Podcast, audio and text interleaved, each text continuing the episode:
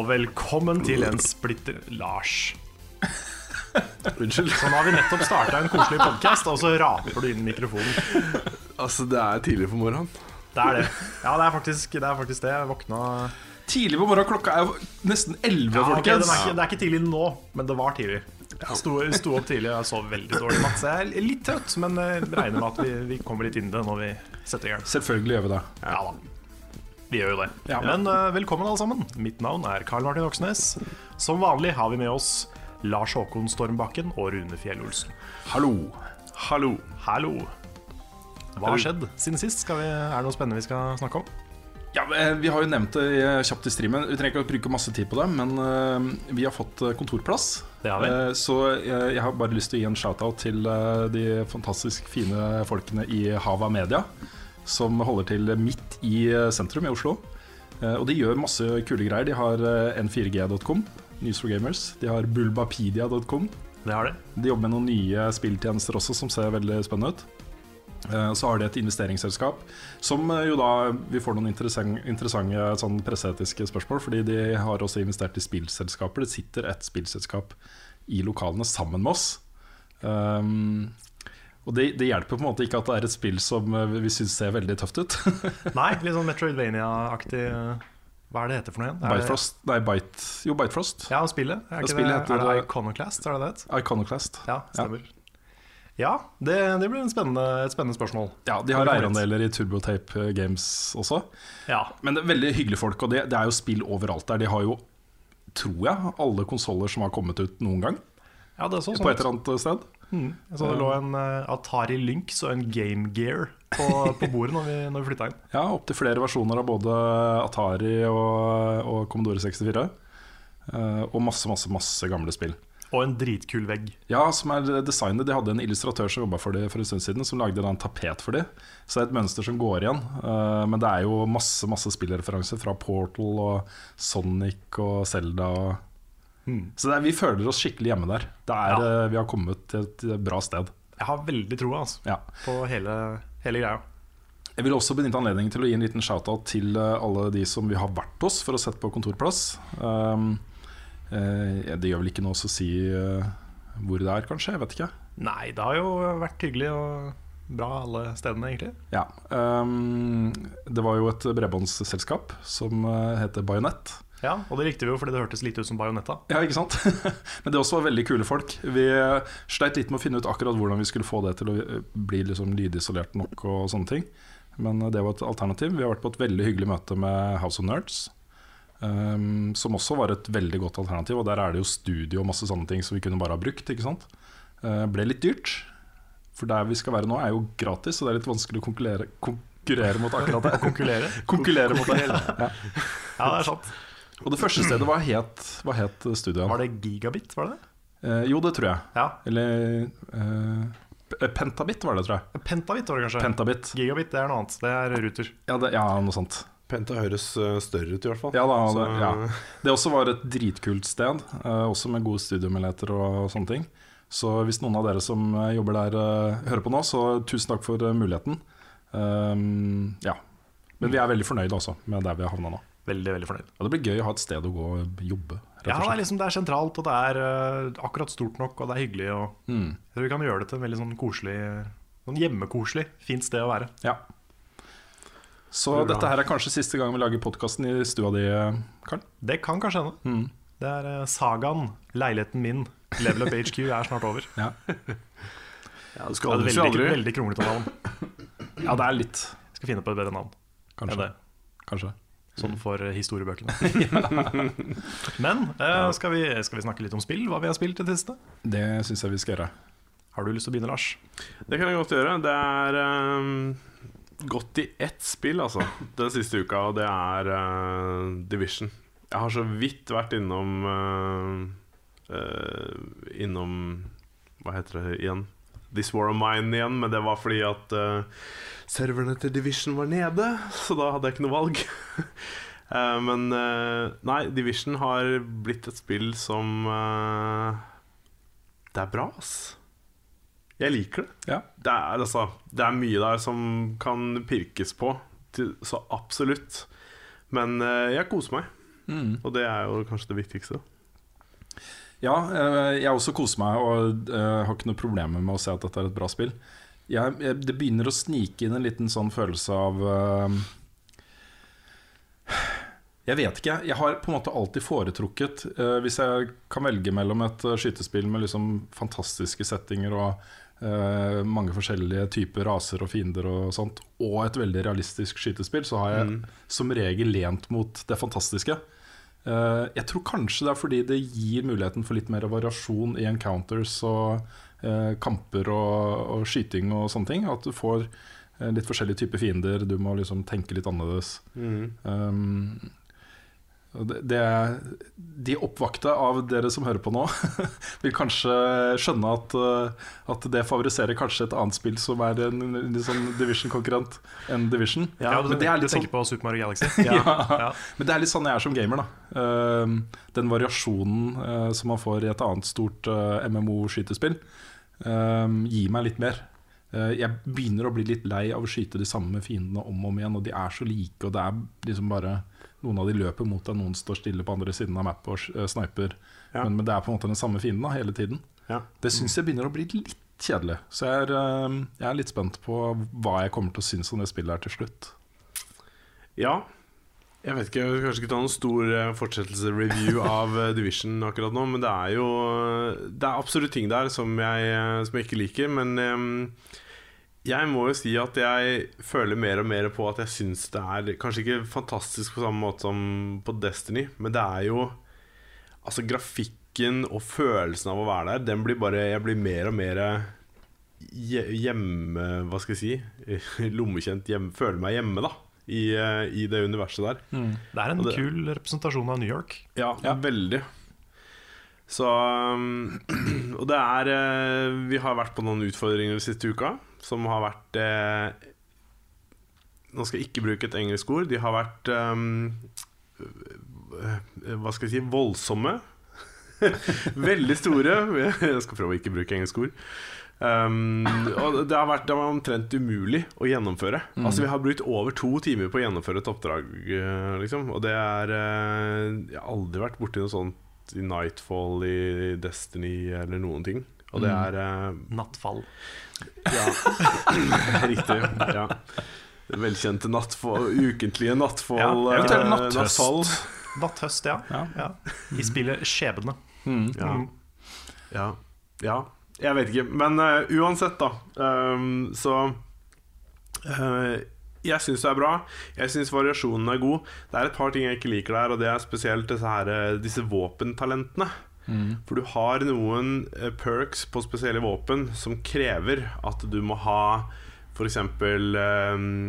et høyt eh, skill-nivå, eller høy helse, eller høy eh, firearm, altså på på den siden. Jeg klarer ikke å si dette her på norsk, så det får bare være. Eh, Jeg, jeg driter i det. jeg. Bare snakk, snakk som engelsk du vil. Jeg, jeg prater om jeg snakker vi snakka om at det er rett før vi kommer, så jeg var sånn veldig bevisst på at du skulle ta ting på norsk, men det er jo umulig. Ja, det er- det er ikke. Uansett, da, så føler jeg på en måte at eh, når våpenet skal bestemme hvordan du skal eh, bygge karakteren din, og hvordan du skal gjøre ting ut fra det, så syns jeg liker ikke den ideen der. Nei. For det gjør at eh, folk får ikke det samme våpenet. Ja, det er litt, uh, det er litt sant i det, altså. Ja. Um, jeg også altså, Alle de valgmulighetene du har i The Division, etter hvert så vil jo det, det bli second nature for folk. Altså, det vil, det vil komme inn i blodet, det vil forstå det, det vil ikke tenke så mye på det. Det vil bare uh, sette opp og så lage et oppsett som er intuitivt og bra. Da. Uh, men akkurat i den der fasen opp til uh, level 30 og endgame content og sånne ting, så, så er det forvirrende. Ja. Det tar litt tid å forstå det. Det er liksom et lite hinder i veien på, på spillfølelsen. Ja. Uh, men jeg, jeg tror på sikt at, uh, at det kan være et vel så bra valg som det uh, alternativet, da, som er å lage et litt enklere system. hvor får du et Får du et, en armor-del eller noe sånt, eller et Mm. våpen, så er det det våpenet alle får. på en måte Mm. men det er jo også sånn i f.eks. Destiny, da, så kan du gå inn på våpen eh, På skill-treet til våpenet og bestemme om det skal liksom eh, høy range eller eh, høy stabilitet, Ja. og så gjøre en del sånne justeringer på det. Ja. Så, så der også kan du jo eh, tilpasse det litt etter ditt eget ønske. Da. Ja.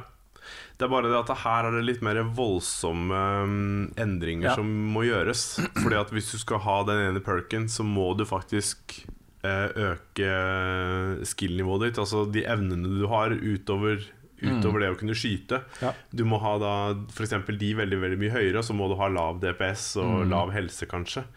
Uh, og skal du ha en av de andre perkene, så må du ha høy på firearm, og da må du droppe det andre. Altså det, er, det er veldig vanskelig å mikse dette her. Ja. Foreløpig så klarer ikke jeg helt å, å mm, ja, like det. Mm. Men um, hvem veit? Jeg har ikke så mye endgame-content, eller altså gear, foreløpig, så Nei, og Der kommer det jo ting. Jeg så at i april så skal de lansere det første raidet. Så sanne ting er jeg veldig spent på. Ja. Det er jo, det som, eh, det er jo den type innhold som eh, gir eh, varighet i et sånt spill. mm. Og innen den tid så skal jeg vel ha klart å komme Ja, få bra sett med gear og sånt. ja. Absolutt. Nei, det er spennende. Jeg liker spillet, altså. Det er bare Jeg vet ikke hvor godt jeg kommer til å like det Nei. i lengden. Nei. Nei? Har dere spilt noe annet uh, enn The Division? Er? Hitman. Ja, Hitman, selvfølgelig. Mm. Det er fordi jeg tok en pause fra The Division for å anmelde Hitman. Jeg så det tar ikke all verden tid å spille det, eller å lage anmeldelsen. Så da var det bedre å bare ta det, få det unna, og så fortsette på Division. Mm. Um, og jeg ga jo en ganske lav uh, eh, karakter til det spillet. Fem av ti. Og det er rett og slett fordi, eh, fordi jeg personlig mener at episodeformatet ikke passer til den spillopplevelsen uh, som jeg vil ha av et Hitman-spill. Uh, det er jo mange som nå setter seg ned med uh, dette første kapittelet. Fordi du kan jo gå inn og betale 499, og så får du liksom season passet. Du får hele spillet. og laster ned alt som kommer i løpet av det året gratis. Og så kommer det jo da en, en diskversjon av spillet i begynnelsen av 2017. Eh, og mitt råd i anmeldelsen var jo å vente på det, uh, fordi jeg syns det blir for oppstikka. det som skjer, er at ehm, du kommer inn da på altså Det er to treningsmissions, og så er det ett et historieoppdrag. Uh, Du kommer inn der, du har et mål. I tilfelle Paris, som er det første store oppdraget, så har du to mål. da Og så skal du liksom finne ut hvordan du skal gjøre det på best mulig måte uten å bli oppdaga alle de tingene. Det jeg har lyst til å gjøre da, når jeg har knerta de to personene, er å gå videre til neste brett. Og så bare fortsette og så grave meg inn gjennom historien på den måten. Og så gå tilbake og så begynne å terpe liksom, og finne nye kule måter å forbedre score. Og, liksom, det, jeg vil heller ha det da enn å gjøre det på samme brett der og da hele tiden. Fordi eh, følelsen av å ha gjennomført et oppdrag, og så er det eneste alternativet du har, er å spille det samme oppdraget igjen på en annen måte. Eh, da Jeg ble fort lei, rett og slett. Jeg synes ikke det var Det ga meg ikke så mye. Um, så eh, personlig så mener jeg at det var et feilgrep. Og jeg tror de gjorde det. Jeg, skal bare si den tingen. Jeg tror de gjorde det fordi de ikke klarte å bli ferdig med spillet til når de lovte å få det ferdig. Men de klarte å lage ferdig Paris Mm. og et par treningsoppdrag. eh, og så tok de den beslutningen med å gjøre det. Ja. Det fins jo gode grunner for å gjøre det på den måten, for det kutter jo på en måte kostnaden og risikoen ved å lage eh, giga-blockbuster-spill. Men eh, jeg tror ikke at det gagner spillopplevelsen på denne typen spill i lengden. Takk for meg. Ja. Nei, jeg er, jeg er helt enig med deg. Jeg tror eh, Jeg har spilt mange spill nå som ikke har kledd å være episodebaserte. Og det, det ødelegger mye, altså. For meg òg. En av de få spillene som jeg syns får det til, det er Life is Strange. For der, der er historien liksom gripende nok. da At du kan sitte i, i noen måneder og vente mens du ser for deg hva som kommer til å skje videre. Og, sånn Men uh, det er mange spill som ikke får til det. altså og da, er det, da blir du dratt ut av opplevelsen, og så må du liksom bruke masse energi på å komme inn i det igjen når det kommer en ny episode. Og det Jeg er ikke så fan av det. Ja. Nei, Broken Age, for eksempel. Um, Ja, det tok altfor lang tid også. Altfor lang tid. Det tok jo var det halvannet år eller noe sånt mellom de to episodene. Mm. Det var jo bare to episoder. Det kom til et punkt i historien hvor alt liksom kom litt sammen, og det ble 'Å, det her er kult!' Og så var det ferdig, og så måtte du vente i over et år på neste kapittel. Det, I mellomtiden så rakk jeg å miste interessen for det spillet. Det er litt dumt, da. Jeg kunne jo satt meg ned og spilt igjen og fått en veldig kul opplevelse, men eh, Ja, jeg venta jo faktisk med å spille det til episode to Ja. kom. Og jeg fikk en ganske ok opplevelse av begge. Jeg så det var mange som ikke likte episode to. Okay. Men uh, når jeg spilte det sånn i ett, så syns jeg det var, jeg, skjønner hvorfor folk ikke likte episode 2, men jeg, jeg syns det var ok Mm. hele veien. Eller det var, det var bra hele veien. Ja, Når det er sagt, da, så elsker jeg jo uh, det nye Hitman. Altså som spill, uh, som spillkonsept og måten de har løst ting på der. Jeg syns kanskje at det er litt for lett å finne, ut, finne de forskjellige fremgangsmåtene. For når du kommer inn på brettet, så står det bare en liste med forskjellige måter å, å ta disse målene på. Eh, Så kan du velge en av de, og så får du et hint om hvor du skal starte.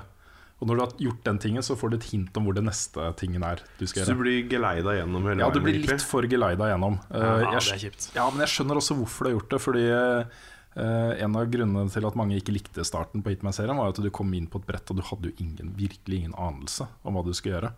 Um, det var eh, veldig vanskelig, veldig hardcore. Eh, så de har prøvd å finne en slags mellomløsning mellom den eh, veldig actionfokuserte tingen i Absolution Ja, og det gamle Hitman. på en måte ja. du føler deg fortsatt kul liksom, hvis du går rundt og du får det til, og du Mm. klarer å være observant nok til å se om noen har mulighet til å oppdage deg eller ikke, og alle de tingene der. Men Mm. det er litt sånn Du går på checkpoints og ikke etter liksom følelsen av å planlegge helt fritt på egen hånd. Øh, Nei, riktig. Nå så jeg for meg en sånn kul greie det der kunne vært, hvor liksom du fikk bare et brett.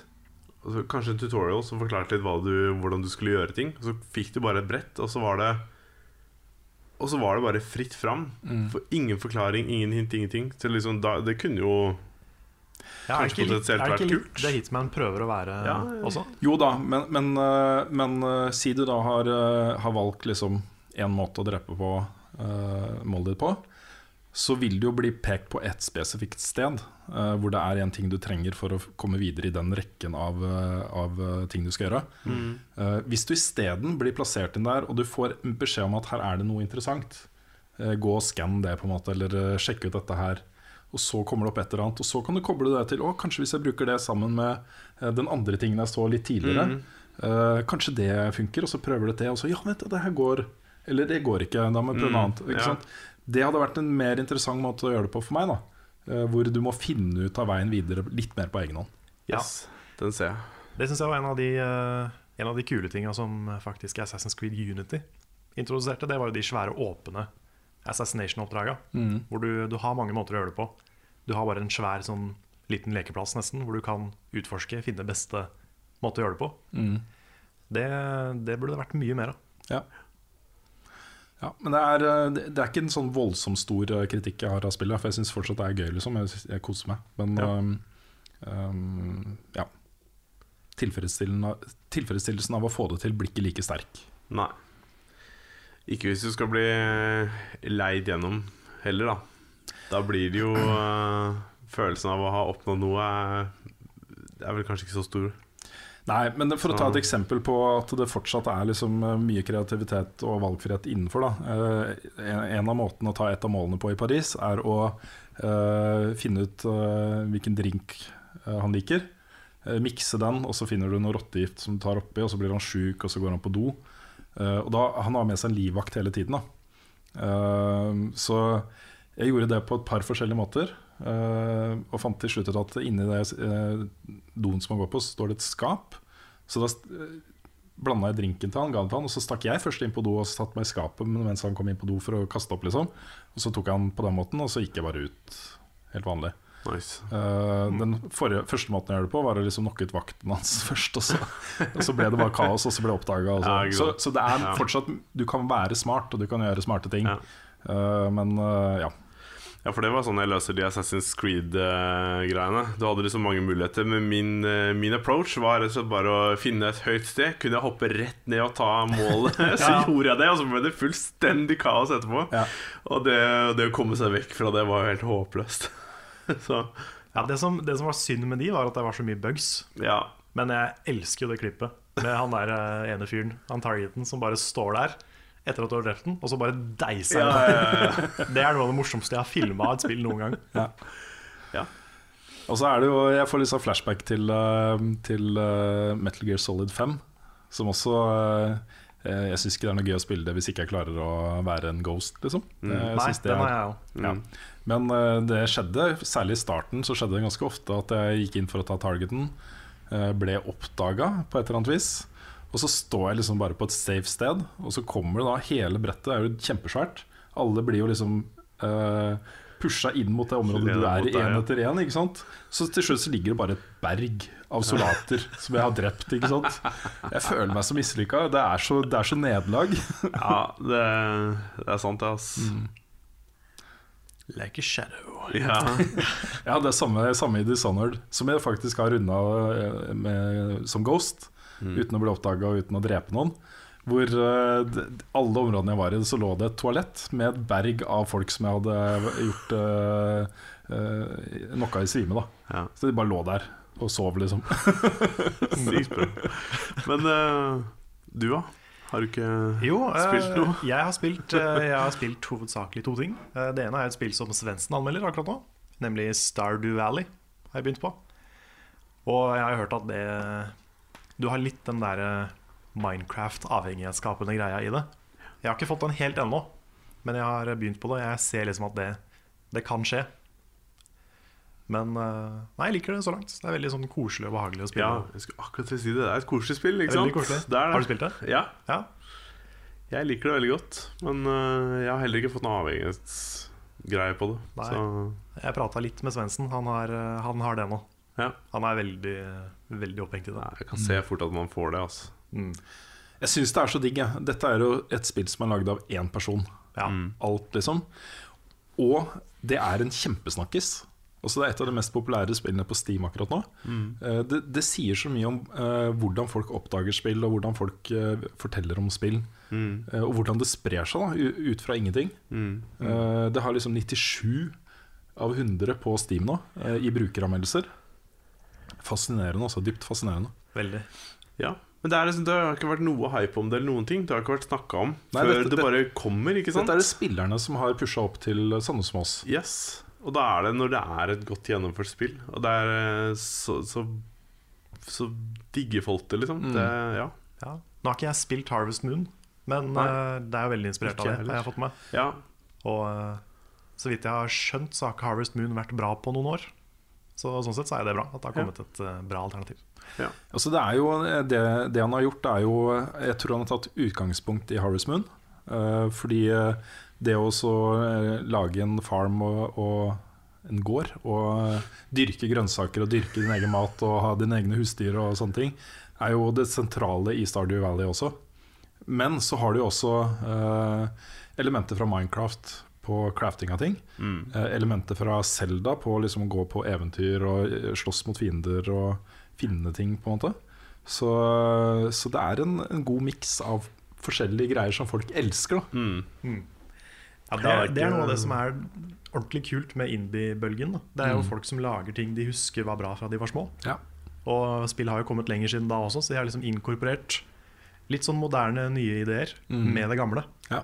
Og da blir det ofte veldig bra, Mm. hvis de får det til. Mm. Samme med liksom Shovel Night og for så vidt Undertale. Og, og sånne ting som er nye versjoner av noe som vi har sett før. da Mm. Jeg vil også bare nevne kjapt før vi går videre og tar litt nyhetssaker. Har du flere spill? eh?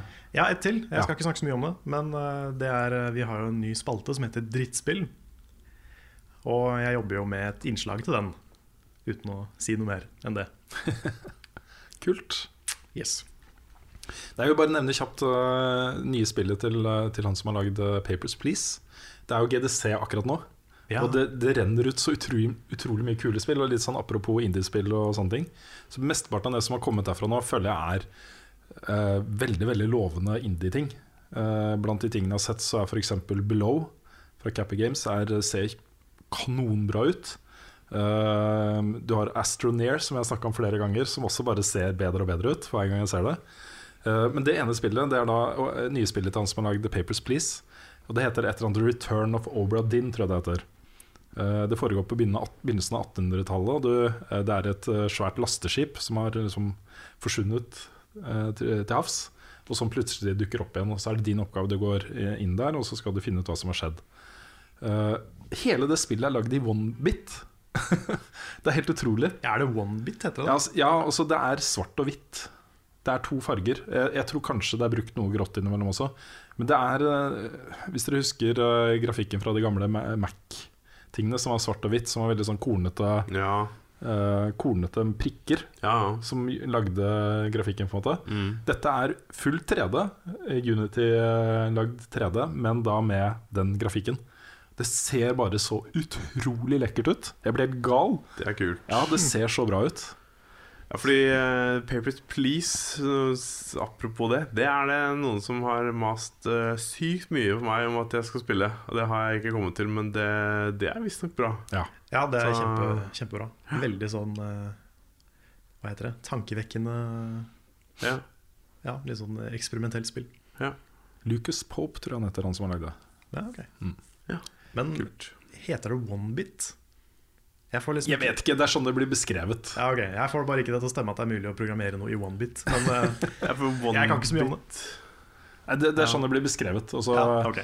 eh, 8-bit så er det 8 farger, 16-bit så er det 16 farger. Ja, sånn er Og så her er det én, da. Eller to. Eller, Ja. Det blir two-bit, da. ja, kanskje. Det To farger. Jeg vet ikke. Ja. Vi tar noen nyheter. Da setter vi pent over til Rune, som har ukas viktigste nyheter. Ja. Um, det er jo veldig sånn tilfeldig valgt, egentlig. Noen saker sier seg selv at vi bør snakke om, men Ja, andre ukas saker noen av nyheter. Noen av Ja. nyheter. Ja, Uh, den største nyhetssaken uh, i uka som har gått, er jo selvfølgelig virtual reality. Uh, PlayStation har eh, endelig eh, offentliggjort pris og lanseringsdato for PlayStation VR. stemmer. Prisen er eh, 400 euro, eller 399. Eh, og lanseringa er i oktober. En ting som var veldig interessant med eh, akkurat den uh, offentliggjøringa, er jo at de ikke nevnte at man også trenger et eh, PlayStation eh, camera for å få motion tracking eh, i, eh, eh, på PlayStation VR. Og den koster jo jeg vet ikke, er det 700-800 kroner eller noe sånt. Jeg husker ikke helt det. Så det er jo en, Ja. det er jo, det er jo en faktisk tilleggsting du må ha for å få noe ut av eh, VR. Det er det. Det er liksom Må du ha PlayStation Move-kontroll i tillegg? Eller? Nei, det følger med kontrollere. Okay. Så, så den biten er grei. Du, men, men du må ha den, da.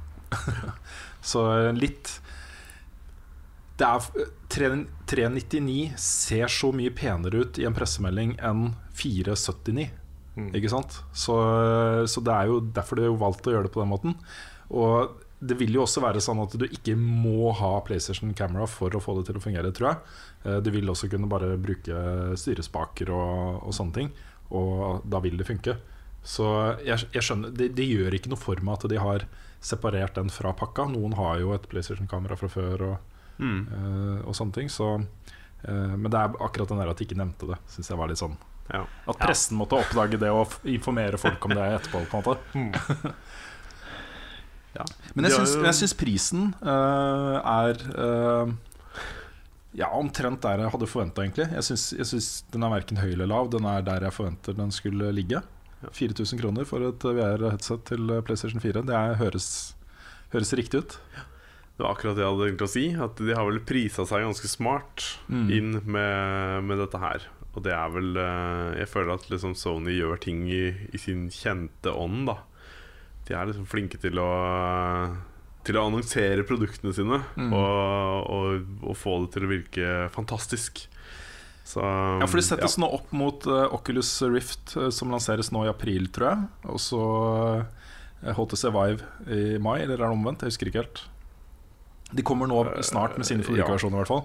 Mm. Og prisen er jo mye høyere. Ja. Um, bare for, uh, for headsetene så snakker vi om uh, Jeg tror Var det 699 og 799 eller 899 eller noe sånt? Ja, det var Ja, det høres riktig ut. 799 for Vive, i hvert fall. Ja, Mm. Eh, ja Var det det? Var det ikke høyere? Var det Nei, jeg tror ikke det var høyere enn det. Nei, kanskje ikke. Ja, men når det er snakk om å legge på MBA og sånne ting, Ja, så ja da, det, det, Dette kommer jo til å bli solgt i norske butikker også etter hvert. Uh, men det, det er liksom dobbeltpris da for Vive, og så er det nesten dobbeltpris for Oculus Rift. Ja. Og I tillegg så er jo systemkravene til PC-en din ganske høye. Så hvis man ser på totalprisen for Altså Du kommer inn, du eier ikke en PlayStation 4 eller en PC som er bra nok til å kjøre Mm. uh, VR. Så snakker vi om uh, ja, hva blir det? Rundt uh, 7000-8000 kroner for PlayStation 4 uh, Mm. med VR. mm. Eh, 15-16 for Oculus Rift og 18-19 for, eh, for Vive. Ja. Så det er jo ganske vesentlig forskjell i pris. Eh, så tror jeg også det kommer til å bli ganske vesentlig forskjell i kvaliteten på spillene. Fordi en PlayStation 4, prosessorkraften, den er jo ikke like kraftig som en PC til eh, 12 000-13 000 kroner. ikke sant? Mm. Men er ikke det den der boksen ved siden av som skulle hjelpe til med det? De har en egen, Det er ingen som helt vet tror jeg, hva, akkurat hva den gjør, men de har en ekstra prosessorhjelp. En liten Ja. boks. Aha. Egen processing unit som eh, kobles til. Ja, Så den vil jo få mer kraft, men uh, allikevel. da. Ja. Det blir spennende å følge med på det der. Ja, fordi uansett, da. eh, Det er ingen tvil om at jo mer datakraft du har, jo bedre VR vil du ha mulighet til å vise fram. Dette er prosessortunge greier, liksom. Mm. Så Ja. Det, er, det er ikke sikkert eh, Altså, Jeg ser at det har mye å si, men det er ikke sikkert eh, liksom, grafikk og prosessorkraft kommer til å bli det mest avgjørende i VR i starten. Da. Det kan jo hende. Du, du er sånn som Keep Talking and Nobody Explodes, som vi spilte på stream. mm. Det er jo ikke et uh, teknisk krevende spill å kjøre. Nei, det krever ikke så mye. Så kanskje liksom sånne type litt sånn gimmick-baserte spill kanskje er det som kommer til å slå an i starten. Det er i hvert fall de Jeg- som kommer til å kjøre best for alle. Mm. Jeg kom på når du sa det der med den boksen, Mm. forresten. Så um, har det jo blitt presentert hva den boksen oh, ja, gjør nå. Okay. Og dette mente jeg husker at jeg hadde lest, og det er på IT-avisen. Så står det jo det. Og det er verken GPU eller CPU. Det er um, håndtere 3D-objektbasert audio. Å ja. Oi. Um, ja. Da er det tydeligvis uh, lydchipen i PlayStation 4 som ikke er uh, god nok for VR. Antageligvis. Det, det er sikkert et par ting mer her også i den artikkelen, men jeg har ikke tid til å lese den nå. men, eh, men, eh, men ja. Nei, det er jo garantert et eller annet sånt. Mm. Så, og, og det å presentere lyd er jo, ikke, er jo ikke så enkelt som man skulle tro. Det Nei, krever jo litt, eh, i hvert fall når det kommer til sånn For dette har sikkert med plassering å gjøre. da sånn at Når du beveger deg fram, så har du en, får du en lydkilde, og så nærmere og nærmere du kommer den lydkilden, så klarer du å plassere den i, i rommet, liksom. Det, Mm. Ja, Særlig hvis ting er rommet, bak deg eller ved siden av deg, eller du må snu deg for å se Ja. til det, og det ikke er lyden kommer fra det stedet hvor det høres ut som Ja, det kommer fra, så er det et problem. Ja, det er sant. Da vil du gå av feil sted. Men en tilleggsfunksjon da, til alle disse VR-headsetene som kommer, som jeg tror kommer til å bli en slags killer-app, Ja. er jo uh, den samme altså Du har jo kunnet kjøpe sånne TV-briller uh, lenge. Som eh, bare plasserer en skjerm på øyet ditt som er mye større enn en TV. på en måte altså, Ja. Det er en kinosal foran Mm. øyet ditt. ja. Og Det er jo sånn som integreres uh, i alle disse VR-headsetene. Hvor du da kan sette deg ned med et spill som ikke er i, i, i 3D eller VR, uh, og få bare en gigaskjerm til egen rådighet. Ja. Det er en litt sånn killer-app, altså. Det er faktisk det. Det er det. Og ja, gud hjelpe meg, det er jo så mange muligheter også i framtiden med, med disse her eh, VR-headsetene. At det er jo Ja. Ja, jeg tror fortsatt, bare sånn for å, for å fortsatt være han eh, på lavt nivå VR-skeptikeren, Ja, så, så tror jeg fortsatt at liksom, selv om VR kommer i år, så tar det litt lengre tid før den VR-revolusjonen kommer. mm. Fordi eh, For det første så er jo prisene så voldsomt høye. Det er ikke alle som går med 10 000 kroner i lomma for å kjøpe en PlayStation 4 og, og et headset. Men um, Nei, jeg tror det, det må litt ned i pris, eller veldig ned i pris. Pluss at vi må få mange killer apps Ja. før det virkelig tar av. Jeg tror det er avhengig av det. Altså. Jeg holdt på å si det er vel bare én killer-app som skal til for at liksom folket blir frelst. Ja, kanskje, men Vi må kan ha litt, må ha litt forskjellige tilbud for til forskjellige folk også. Ja. Det er det. Men eh, nå vil vi kanskje ikke det gjelde PlayStation så mye, for der er det vel veldig strikt på hva som kan eh, komme inn der. Men på Bare for å PC-siden, informere de yngste så- lytterne våre. eh, Lars snakker om porno. Nei, jeg gjorde ikke du ikke det? Jo da, jeg gjorde det. jeg, ville ikke, jeg ville bare ikke si det. Nei. Ja. Nei, men det, så, ja, porno er jo en killer app for, altså, for Ja. all teknologi, egentlig. Ja, jeg tror det, altså. Det er jo absolutt et poeng. Ja. Um, ja, for å bare gå videre, så, så er det jo også sånn at, uh, at VR-satsinga uh, er jo tung også på smarttelefoner. Mm. Uh, og det er jo en mye lavere inngangspris. Uh, vi var jo på Claes Olsson her om dagen, Karl. Og hva var det det kosta det papp... Uh, Ah, det husker jeg ikke, men de lå, ja, de lå i en sånn eske. ja, 299 eller noe sånt, med Mm. linser. Jeg har ikke prøvd det, men jeg er, jeg er litt nysgjerrig på hvor bra slash dårlig det fungerer. Ja, men der vil det komme masse, masse, masse. masse. Eh, jeg så en sånn derre spådomsartikkel for eh, VR eh, når ting begynner å skje. Og for eksempel En av de tingene som, eh, som blir spådd nå, av flere, er at eh, i 2017 så kommer det ikke til å være bare eh, Vive og Oculus Rift og PlayStation VR. Det kommer til å være liksom 20 tilbydere av forskjellige VR-headsets. Eh, og det, altså den konkurransen og den driften videre der kommer jo bare til å generere liksom bedre produkter, billigere produkter uh, osv. osv. Jeg tror et konsept som Keep Talking, talking and Nobody Explodes funker jo kjempefint på en smarttelefon. Mm, Ikke sant? Sant. Hvis du får mange sånne konsepter på smarttelefon, og det ikke koster deg noe særlig å bare eh, kjøpe en enkel dings som du stapper smarttelefonen inn i, så vil jo kanskje det være det som bringer den VR-revolusjonen med seg. Ja. I kanskje større grad enn eh, sånne store, flotte simulasjonsspill som uh, Valkyrie fra CCP f.eks. Mm. Space Combat-spill som ser insane bra ut. Mm. Mm. Jeg vet ikke. Nei. Uh, ja. Det, nå så for meg at det har vært veldig kult det der med, med mobiltelefon og bare kunne plassere den inn i en sånn en, og så legge seg ned og se en film eller eh, sånne type ting, og få de opplevelsene der. Jeg, jeg ligger mye på sofaen og ser Arrow eh, på telefonen min Ja. fordi TV-en er opptatt. Ja. Og det hadde vært greit hvis jeg da Altså Det er ikke noen vesensforskjell i brukeropplevelsen om jeg da har en behagelig hjelm på hodet eller et eller annet. liksom. Det hadde vært helt greit, det. Men tror du det kommer til å gjøre noe med synet til folk? For det er sånn eh, Jeg har faktisk hatt et problem med det sjøl. Med at jeg eh, har vært for mye på mobiltelefon, sånn at eh, synet mitt eh, Jeg bruker for mye krefter på å se ting nært. Så jeg har begynt å få problemer med å se Eller fokusere og se på avstand. Jeg skal fortelle deg noe, Lars. Ja. Eh, dette er noe jeg har fått fra en eh, ekspert. En ekspert som også er okay. lytter av podkastene våre.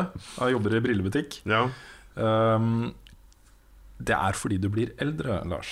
Jeg vet at det Synet også har seg. noe med det å gjøre, selvfølgelig. Men det er, det er liksom ikke Nå snakker jeg ikke om det at synet blir dårligere, Fordi eh, faktisk har det ikke endra seg så veldig mye på veldig mange år. Det er mer det at jeg Jeg Altså Hvordan skal jeg forklare det? Altså, jeg får vondt i øynene av å se ting på, på lang avstand.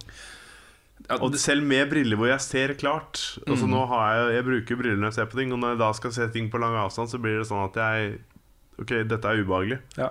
Nei, Der kommer det til å skje masse, jeg er helt sikker på det. Eh, Det som er den store utfordringen til VR nå, er jo det ubehaget som mange føler etter ganske kort tid. Eh, og opplevelsene du er inni, er av en sånn art at du kanskje ønsker å tilbringe eh, så mye tid som mulig der, Ja, før du tar av deg headset og gjør noe annet. ja Eh, og i den prosessen så kan det jo skje ting, liksom, at du får hodepine eller kvalme eller vondt i øynene Ja. mm. osv. Så, så det er en sånn utvikling som det blir litt spennende å følge med på. Mm. Ja. VR-relaterte helseproblemer. Ja, ja det, jeg tror ikke det vil være nødvendigvis noe å kimse av, kan man si det. Altså, for jeg tror det kan være en realitet for eh, en del. Kan du forklare hvordan kimser man, Lars? Altså, Veldig- Kimse er et ord som jeg føler alle bruker uten at noen vet hva det betyr. Ja, men det betyr altså, Du skal ikke liksom Du skal ikke se bort fra det. Du skal ikke Du skal Du ikke skal- du skal ikke ta lett på det, er ikke det- Du skal ikke ta lett sånn? på Jo, det, men altså, når du bruker det, måten det brukes på, føles det litt som at det er en sånn fysisk bevegelse du gjør med kroppen, eller et eller annet. At du kimser. Ja, Hva er å Jeg vil kimse? kimse er litt sånn eh. du, bare, du bare tar en litt sånn der eh, sassy bevegelse. Whatever. Bare, whatevs, ja. Whatever. Kanskje. Det er kanskje en sånn derre Men eh, en annen ting som jeg håper ikke skjer med VR, det er at det kommer masse spill, eller masse apps, da, som er eksklusive til ett headset. Mm. For det tror jeg kan være ganske ødeleggende for, eh, for hele VR. Ja, Det vil nok komme noe. Uh, en, en av de mest spennende tingene som er vist fram nå siste uka, er jo uh, uh, Lab. Det heter noe mer enn det, fra Valve. Ja, ja, det der Aperture Er det Aperture Lab? Nei, det heter noe med Lab. Valve Lab eller Steam Lab eller et eller annet sånt. Ok, Jeg husker ikke helt. ja, For det var ikke Aperture Labs? Nei, jeg tror ikke det. For det er jo navnet på selskapet. Ja, ja, ja nei, jeg husker ikke. Ja, ok. Det kommer et spill. Det er en serie med spillopplevelser satt til Aperture-universet. som ser kjempekult ut. Mm. Virkelig, virkelig kult ut. Um, og jeg vet ikke om det kommer til å bli tilgjengelig på eh, Oculus. Nei, jeg håper de headsetta der blir som en skjerm. At Mm. du, du plugger det inn i PC-en, og så funker alt. Ja, For eh, det, noe annet ville, altså, Folk har ikke råd til å kjøpe masse forskjellige headsets. Nei, det er sant. Men det er også sånn at jeg, jeg tror nok Jeg frykter nok at, eh, at uh, eh, utviklerne av hardwaren og portalene som etter hvert kommer opp, nok vil prøve å få noen eksklusive greier. Og det er jo for å pushe salget av sitt headset. Og så gi folk en grunn til å velge det foran de andre. Sånn fungerer jo konsollindustrien også. ikke sant? Eh, og det er jo ingen tvil om at i hvert fall PlayStation VR Der vil det jo komme massevis av ting som du bare kan spille der. Uh, og det samme vil jo gjelde HoloLens. Og Microsoft kommer jo helt sikkert med VR, vanlig VR-headset etter hvert, de også. Vi antar at Mm. de sitter og jobber med det nå. Ja, Mm. ja for den HoloLensa, den er vel falt litt vekk nå? Eller har den Nei da, den er på vei, den også. Den vent, altså der er det jo bare at det må komme ut, og folk må teste det og, Ja. og se Ja. hva det faktisk er. Kanskje Nintendo jobber med et, uh, en svær, sånn, et svært Virtual Boy-headset som du kan putte Wii U-kontrollen Ja, men det snakka vi om på streamen også. Ja, det. det er noen som spekulerer i det. At, uh, at hvis uh, Nintendo jobber med et uh, VR-opplegg, så er det noe sånt det blir. da Ja. Det hadde vært kult. altså Jeg har sett Funny. eh, Det er morsomt det ene klippet fra Screw Attack med han eh, Keith Apicary, som han figuren heter. Som går rundt og mm, prøver å se mest mulig kul ut da, med en liksom Virtual Boy teipa på huet. Ja. Det er dritmorsomt. Det er en portable.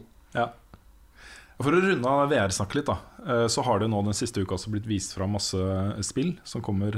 Oculus hadde jo en sånn showreel med alle titlene, lanseringstitlene til Oculus Rift. Og det er mye kult der. Kanskje ikke noe eh, Det er ikke sånn at alle de spillene som ble vist fram i den reelen, er noe jeg bare Å, det er VR, kjempekult, liksom. Men det er noe. Det er noe faktisk. Det er noe konkret. Det er spill som kommer, som er nesten ferdige, som blir lansert, og som du kan sette deg ned nå i april-mai og spille på et VR-headset som er lansert for massemarkedet. Ja. Og jeg begynner å bli litt gira igjen, altså. Etter å ha vært liksom, ok lagt det litt på, på low burner en stund. Eh, nå er det her. Mm. Jeg, er, jeg begynner å bli ordentlig gira nå. Altså. Skal vi gå videre i nye saker? Det gjør vi. Eh, Den andre store nyheten er jo at Microsoft eh, nå har gått ut og invitert PlayStation og alle andre til å starte crossplay. Eh, At du ikke cosplay, men crossplay. Crossplay. Det Ja. også er et cosplay. eh, Ja, det- Ja, det er det. Ja. Ok, eh, Poenget er da at man uh, for eksempel eh, vil kunne spille på Xbox One mot spillere på PlayStation 4. En åpen invitasjon til Sony særlig om å til tilrettelegge for det. Um, grunnen til at det starta fra Microsoft sin side, er jo at de nå begynner å gjøre det, det mellom PC og Xbox One. Ja, det var vel det de annonserte. At det, det, det det kommer det til å bli. Ja, og i Um, den samme eh, åndedraget mm. så sa de at eh, det er ingenting i veien for å åpne for eh, krysspilling via andre plattformer også. Nei. At det er det de ønsker. Mm. Eh, Og det er jo samme maskinarkitektur eh, mer eller mindre på PlayStation 4 og Xbox One, så det er sånn i utgangspunktet så burde det være teknisk mulig å få til. Ja. Mm. Um, Ja, for hvis, hvis det er eh, tilfellet nå, da, så begynner det å bli vanskelig Altså Hvis det kommer til å skje, Mm. at du kan spille mot Xbox One og PlayStation 4, at de kan spille mot hverandre, så vil jo det begynne å bli Er det noen grunner igjen da, annet enn kanskje eksklusive spill, til hvorfor du skal velge en viss type konsoll, liksom?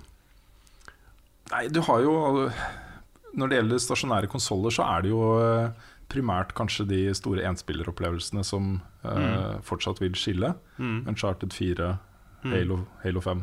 Ja. Sånne ting.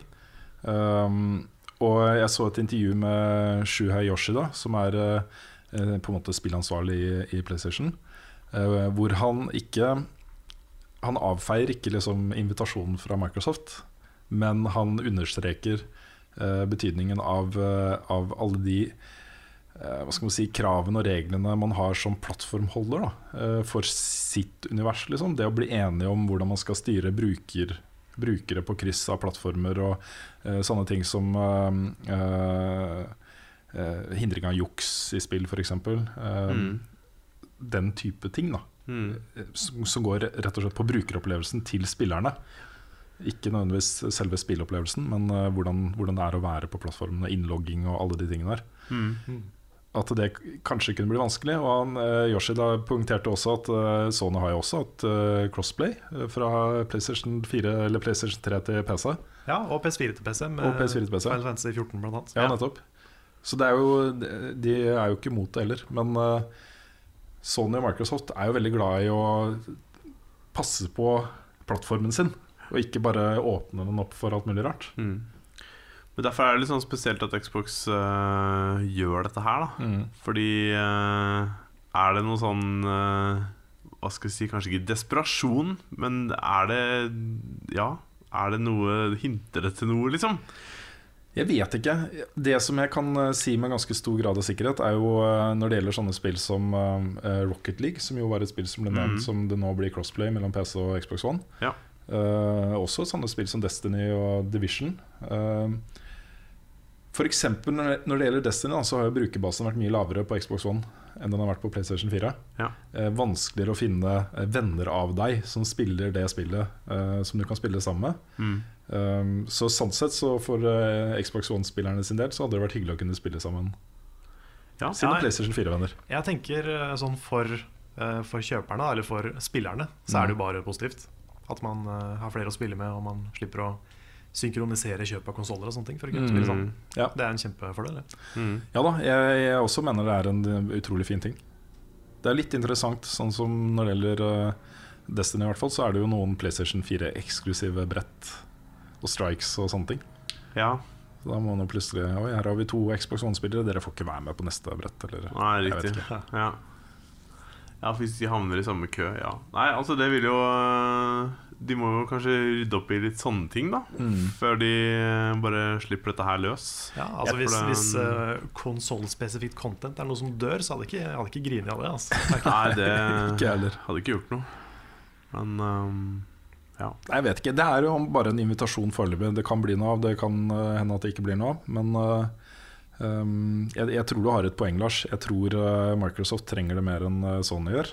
Uh, at det behovet der er litt større for å åpne og få litt Ja. flere folk inn. Men uh, tanken er jo allikevel god. Ja. Og jeg tror også den, det er en tanke som drives litt frem av softwareutviklere, altså spillutviklere. Som utviklerne av Rocket League, som selvfølgelig for deres del hadde vært kjempekult hvis alle som hadde det spillet, kunne spille mot hverandre. Det skapte mye større og mye mer uniform eh, spillebase. Mm. Du kunne hatt turneringer som tiltrakk seg mange flere mennesker. Mm. Eh, Du kunne gjort en god del andre ting rundt spillet. Som eh, de nå må gjøre tre ganger liksom, på de forskjellige plattformene. Ja. Eh, Kan gjøre det én gang. De kan ha én stor turnering for alle Rocket League-spillerne. ikke sant? Ja. Mm. Ja, det, sånne ting er jo er positivt. Men jeg skjønner at det er veldig mye andre ting å tenke på også. I, oppi dette her Det er det. Eh, Vi tar bare noen eh, litt kjappere nyheter før vi går videre på spørsmål og svar. En del eh, sånne små nyheter som jeg har bitt meg merke i, som jeg syns er eh, morsomme. Ok, Eh, Shadow Complex Remastered er nå ute på Xbox One hey. og kommer på PC og PlayStation 4 i mai.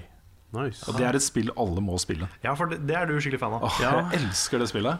Og nå venter jeg bare nå, jeg, jeg tror jeg skal vente til det kommer på PS4 med å spille det. Rett og slett fordi jeg syns det er litt gøy å spille et uh, Xbox 360-spill på PlayStation 4.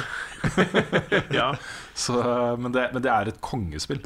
Uh, og de har lagt til masse nytt der. Uh, nye items, nye challenges uh, osv. Så, videre. så det blir gøy å spille igjen. Kult. Um, Bioshock The Collection til PC, Oi. PS4 og Xbox One er på vei. Ok, Det jeg har sett, Da med eneren og toeren og Infinite, eller? Ja, Ja. det er vel det det er snakk om. eh, med alle expansions og osv. Um, det også ble jeg fryktelig glad for å se. Det, det er bare coverbildet som er kjent foreløpig. Og eh, det har blitt lista litt rundt omkring. Det har vært sånne rykter om det lenge. Og det er vel ikke 100% bekrefta ennå, men eh, eh, ja. Jeg anser det som bekrefta likevel. Så tipper det er noe som kommer til høsten, da. Ja. Jeg eh, har ikke spilt noen av de spillene, så det må jeg Da kanskje har du mange, ja. mange timer med kvalitet foran Ja. deg. Altså. Definitivt. Eh, Bloodborne får et offisielt kortspill. Ja, det er, det er noe. Ja, det er jo noe. Det, nå har jeg, ikke, jeg har ikke spilt så mye kortspill uh, utenom uh, vanlig kortspill. Um, men jeg føler jeg må sjekke ut dette her. Det er en god, uh, god inngangsbillett til litt mer brettspillorienterte ting. Mm. Så det er eh, spennende. Veldig spennende. Eh, Siste nyhet. eh, Trackmania Turbo, som jeg gleder meg insane mye til, har fått lanseringsdato. Det er 24. mars. Eh, Men det blir også en åpen beta uka før. 18. mars. Jeg tror det var noen sånn at PlayStation får det på 18., og så får en PC det på 19. eller et eller annet. Det var noe sånt, men det er rundt der i hvert fall. Åh, det gleder jeg meg sånn til. Altså. Spille Trackmania, et skikkelig Trackmania-spill på uh, konsoll. Ja, Det ser gøy ut. Det er mulig jeg skal skaffe meg det sjøl. Mm. Vi har én siste nyhet til før vi går over i spørsmål og svar. Og det er eh, det har lekka noen bilder, hvis vi skal tro på internett, av eh, den nye kontrollen til Nintendo NX. Du må jo tro på internett. Det. ja. Altså, alt jeg har lest på internett, har vært sant. Mm. Så ja, har dere, dere har sett bildet? Jeg har sett bildet. Det det er en sånn oval uh, sak uh, hvor eh, hele Altså det er styrespaker og knapper på den, men allikevel så hele skjermen er, er det bilde på. Så vi sier at da er det um, Selv om du har liksom tomlene over uh, på sidene, de spisse kantene av den ovale, så er, skjer det ting rundt deg. Liksom. Det er, eh, det er bilder fra spillet der. Mm. Uh, og så har også bildet en sånn curved uh, Ja, det er en Se for deg liksom skjermen til Wii U Gamepad, bare rund. Altså en Mm. oval. Og så er hele, hele kontrollen er en skjerm. Nettopp. Mye jo- mindre, da. Ja, litt, litt mindre i hvert fall. Ja, som en uh, ja, også litt større enn en uh, WeMote. Også høyere. Mm. Men det som, hvis, det, hvis det stemmer, da, så vil det jo være sånn at den flaten som er igjen, hvor det ikke er noe, det er jo der alle de viktige tingene vil skje. Og så vil det andre rundt bare være med å gi deg et inntrykk av et større bilde, også et, en større synsflate, på en måte. Mm. Det er litt som det systemet til Microsoft. Jeg husker ikke hva det heter. Men det er et sånt lyssystem som bare tar fargene fra det som skjer på skjermen, og uh, kler resten av rommet i det. på en måte Sånn at uh, det, det er et sånn lysshow i rommet ditt som passer til det som skjer på skjermen. Ja. Ja, ja, sant. Som gir en litt større innlevelse. Mm. Det, er, det, det er jo basert på patentene som Nintendo har tatt. Ja, det har kommet ut noen tegninger eh, fra det òg. Ja, eh, og den passer også til beskrivelsen av eh, det Nintendo har sagt. Som jo går på at, eh, at eh, det vil være mulig å ta med seg den eh, håndkontrolleren andre steder. Ja, at det skal være en håndholdt uh, slash uh, hjemmekonsollhybrid. Hvor du kan, du kan ta med deg, og du kan spille den på TV-en. Ja. Men jeg syns det så veldig upraktisk ut til å skulle ta med seg. Tenk på hvordan den der robuste Nintendo 3DS-innpakninga er, som du liksom bare kan putte med deg og, og gå. Når du skal ta med deg håndkontrollen der, vil du være med litt mer sånn her Ok, jeg må putte den i et eller annet og beskytte den. Føler jeg, da. Ja, det kan, Hvis, det hvis, kan, hvis det skal være poenget der. kan bli litt det der Vita-problemet. At den, den er så liksom dyr og fin Ja. at man ikke vil Ja, ta den med seg. Ja, mulig. Jeg vet ikke. Men det er jo eh, Jeg synes det er morsomt når Nintendo lanserer nye kontroller, for de gjør liksom alltid noe rart. ja. Mm. Og det er, eh, det, er litt, eh, det er litt gøy. Jeg er veldig spent på hvor alle knappene er. Jeg håper de er der, at ikke det er touch-knapper. Mm.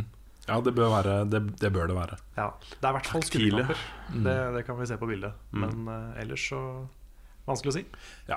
Dette er jo uh, Det er ganske stor sannsynlighet for at uh, det bildet er fake. Det er det. Det uh, ingen tvil om det. Det er, det er mange flinke folk eh, med 3D-ferdigheter der ute som lager ting og poster og sier um, Jeg kan ikke si hvem jeg er, men jeg er sentral i utvikling Et eller annet. ja. Det er, så lett, det, er så, det er så lett å tro på det fordi du har så lyst til å tro på det. ja. Mm. Men uh, um, det har en, liksom et snev av troverdighet over seg i og med at det passer godt til det som man kjenner uh, fra systemet fra før. Mm. Og så ble jo Wii U-kontrollen lekka før den ble annonsert Mm. også. Eh, men samtidig da, så har jo veldig mange av sånne lekkasjer eh, de, de stammer jo fra tidlige prototype-modeller. Så den ferdige kontrollen vil jo uansett kanskje helt sikkert se annerledes ut. Ja. Uansett, kanskje helt Uansett, ja, det var, det det var var en fin setning. Veldig, veldig fin setning. Uansett så er det spennende. Ja, uansett så er det spennende at det kanskje kan bli spennende.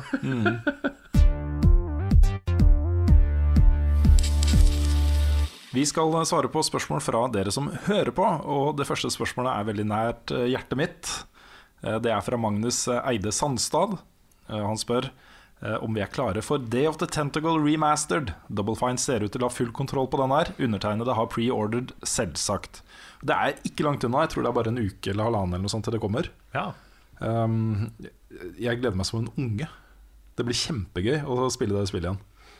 Uh, og det er Det er så kult hvordan de har bare tatt altså Det er jo et spill som egentlig egner seg ganske godt til uh, å gjøre en remaster, da fordi det er en sånn tegnefilmstil over det utgangspunktet. Så det går an å oppgradere grafikken der og gjøre den mer høyoppløselig. uh, og lage den på nytt, da uh, uten at du tar bort den grunnleggende filen fra spillet. Du kan bare oppgradere teksturer og sånt, så er det på en måte det samme spillet. Det kommer til å bli kjempegøy. Ja. Jeg eh, opplevde jo Grim Fandango for første gang for uh, ikke så lenge siden, når det kom ut på nytt. Ja. Så eh, nei, jeg gleder meg til å prøve dette her òg. Jeg har ikke spilt før. Ah, det er så morsomt. Det er så mye bra humor i det spillet. Altså. Kjempegøy. Kult, kult. Ja, vi har et spørsmål her fra Johan Martin Seland. Han spør hva er det mest inspirerende slash storslagne, ikke episk rune, spilløyeblikket dere har hatt? Oi! Og han sier altså for, for hans del så er det første møte med skybyen i Bioshock Infinite. Mm. Og det er jo et eh, veldig eh, storslagent øyeblikk. Det er det. Ja, hva skal det være? Det, er så mange av dem. Det første jeg kom på, det er kanskje det, nå, men det første jeg kom på nå, eh, er eh, Hydra, første bossen i God of War 1. Hvor eh, man får liksom hint om at her er det et stort monster, og så forventer du egentlig bare å, å, å få liksom noen tentakler å slåss mot i den første bosskampen. Men dette er liksom et kvarter ut i spillet, og så kommer da Hydra, som er megasvær! og du skal liksom kaste de der chainsa på, på den og fly opp og ned og wacke på hodet. Og det, altså det, det var så stor skala på det. det. Det var så storslagent at jeg bare satt og måpte. Um, ikke det, det første store øyeblikket hatt, men det er i hvert fall det jeg huska nå som, eh, som eh, For det var så overraskende. Det, det, det var så mye større skala på det. Og grafikken og det tekniske, teknologien bak det, var så mye lenger foran alt annet som hadde kommet på PS2 til det, at jeg, jeg ble helt svimeslått av det. Det var så kult. Jeg tror for meg så er det, for å ta noe litt, litt nyere, så tror jeg det er pacifist-endingen. Jeg skal ikke spoile hva som skjer, men pacifist-endingen i Undertale, det er sånn uh, Siden han sa inspirerende, så er det litt sånn Når jeg så den, så ble jeg liksom så Jeg ble så rørt, og jeg ble så sånn Det gikk så inn på meg, da. Jeg fikk lyst til å bare løpe ut og bli kjent med alle mulige mennesker fra alle mulige kulturer. Det var sånn her Jeg vil bli en bedre person slutt. slutt. Jeg, den, den traff meg skikkelig hardt. Så jeg tror, det, tror jeg må si den. Jeg satt og grein og alt mulig. Det var bare utrolig, utrolig bra. Ja, den er noe eget. Ja. Nei, altså for min del så blir det også noe fra, fra nyere tid, altså. Fordi det er det jeg husker egentlig best som et skikkelig sånn øyeblikk som satte meg ut, og det er fra The Witness. Når man gjør den derre um, Hashtag liten spoiler. Du kan gjøre en ting helt, helt i starten av spillet som låser opp en eh, slags eh, end credits. Og um, wow. Altså Ja. Jeg husker, jeg husker du Det fortalte meg første gang. Du, du så liksom litt bleik ut når du fortalte om det. Ja, men Det det var eh, det, det freaka meg ut på et nivå jeg aldri hadde trodd at uh, jeg skulle bli freaka ut på. Jeg veit ikke hvorfor heller. Og det, men jeg husker uh, Det kommer jeg til å huske lenge, altså. Det der var spesielt. Ja, altså det er jo elementer der som eh, gjorde at jeg Hvis jeg tvilte på om det skulle få en 9 av 10 eller 10 av 10 før den, så Ja. fikk det være overbevist i hvert fall om at det her er ingen grunn til å ikke opp Nei, ikke sant? Nei. Det var en veldig kul måte å gjøre det på. Jeg husker det- veldig godt når eh, Kristine og jeg spilte inn en del nå. Ja. For du, vi hadde hørt det fra deg at det var noe der. Ja. Så vi, eh, vi starta på nytt og bare Ja, ok, Lars har sagt at det er noe her. ja. Jeg vet ikke helt hva vi skal Ååå, ikke sant? Og så ser vi det. og så gjør vi det, og så bare Kristine sitter der og er bare litt sånn der eh, sjokkert. ja. Og jeg bare Oh my god, det er kult! Og, Ja. og så ja, går vi gjennom hele greia der, og det er bare Det er litt utrolig. Ja, det er det, altså. Ja, det, ble, det satte meg inn i eh, det, Jeg, jeg veit ikke hva jeg skal si. Det var en så spesiell opplevelse fordi det var så annerledes, og noe veldig uforventa ut fra det spillet, Mm. som eh, bare fikk meg til å Til å bli litt redd skaperen av det spillet, rett og slett. Det, det Redd for han veldig- eller uh, av ham? Eller? Nei, nei redd ja, Ikke for han, men eh, jeg veit ikke. Ja, kanskje mer at han skremmer meg. Bare, Mm. Ikke fordi han er Han er- slem på noen måte, men fordi han er så Det, det er ting der som bare er sånn wow. Han er, han er litt skummelt smart. Ja, Mm. det er litt sånn Ja. Nei. Bare, ja. Hele den sekvensen gir jo en helt ny dimensjon til spillet også. Mm, Og så Ikke bare i overført betydning, men faktisk også. mm, Eh, Den bryter litt den fjerde veggen, og det er mange sånne ting som, som gjør at du tenker på hele spillet på en litt annen måte. Ja. Eh, og jeg syns det er så genialt, og den er, den er så gjemt bort. ja. Den er ikke Du oppdager ikke den første gangen. Nei. Som, som regel, da. Noen er kanskje smarte nok til det, men uh. Ja, du skal ikke se bort fra det, men uh, jeg gjorde ikke det, uh, i hvert fall. Det var en Det er en opplevelse jeg ikke kommer til å glemme Nei. med det første. Så ja. yes. Skal vi se. Eh, ja, det er mye her vi har svart på før, da. Okay. Tidligere i sendingen. ja. Jeg kan ta et uh, spørsmål, det. jeg. Det er fra Mass Mørk. Han lurer på hva liker dere å gjøre på fritiden utenom jobb? Spille, trene? Spørsmålstegn. Ja. Ja. Ja, nei, det er mye, mye TV-serier blir det jo. Mm. Film og TV og sånn. Um, selvfølgelig mye gaming utenom jobb, selv om det flyter litt inn i hverandre. Ja. Ja, tidligere, eh, inntil ganske nylig, så, så eh, brukte jeg jo store deler av fritida mi til å spille Mm. eh, et spill. Um, det gjør jeg litt fortsatt, men nå har jeg gjenoppdaga litt TV-serier. Begynt å pløye meg gjennom Sitte og fråtse litt i Mm. TV-serier. Mm. Så jeg har sett flere sesonger av forskjellige ting nå i det siste. Det er ganske digg. Mm. Ganske deilig. Jeg trenger uansett uh, Timene mellom fire og sju hjemme hos meg er såpass intense. Uh, med fullt fokus på barn og at de skal ha det fint og få i seg maten sin og pusse tenner og uh, Ja. alle de tingene. Så Ja. når, klokka, når de er lagt, så er jeg jo alltid sliten. Ja. Så det å bare sette meg ned og gjøre ingenting er ganske behagelig. ja. Ja, det er også en fritidssyssel. Det er jo det. Uh, ja. Er det? Men det er jo, jeg må innrømme at øh, den jobben vi har, flyter jo veldig over i fritid også. Det er, øh, det er jo ikke helt uten grunn at vi sitter her og gjør de tingene vi gjør. Dette er en lidenskap vi har, og en øh, interesse som er litt sånn altoppslukende for oss. Mm.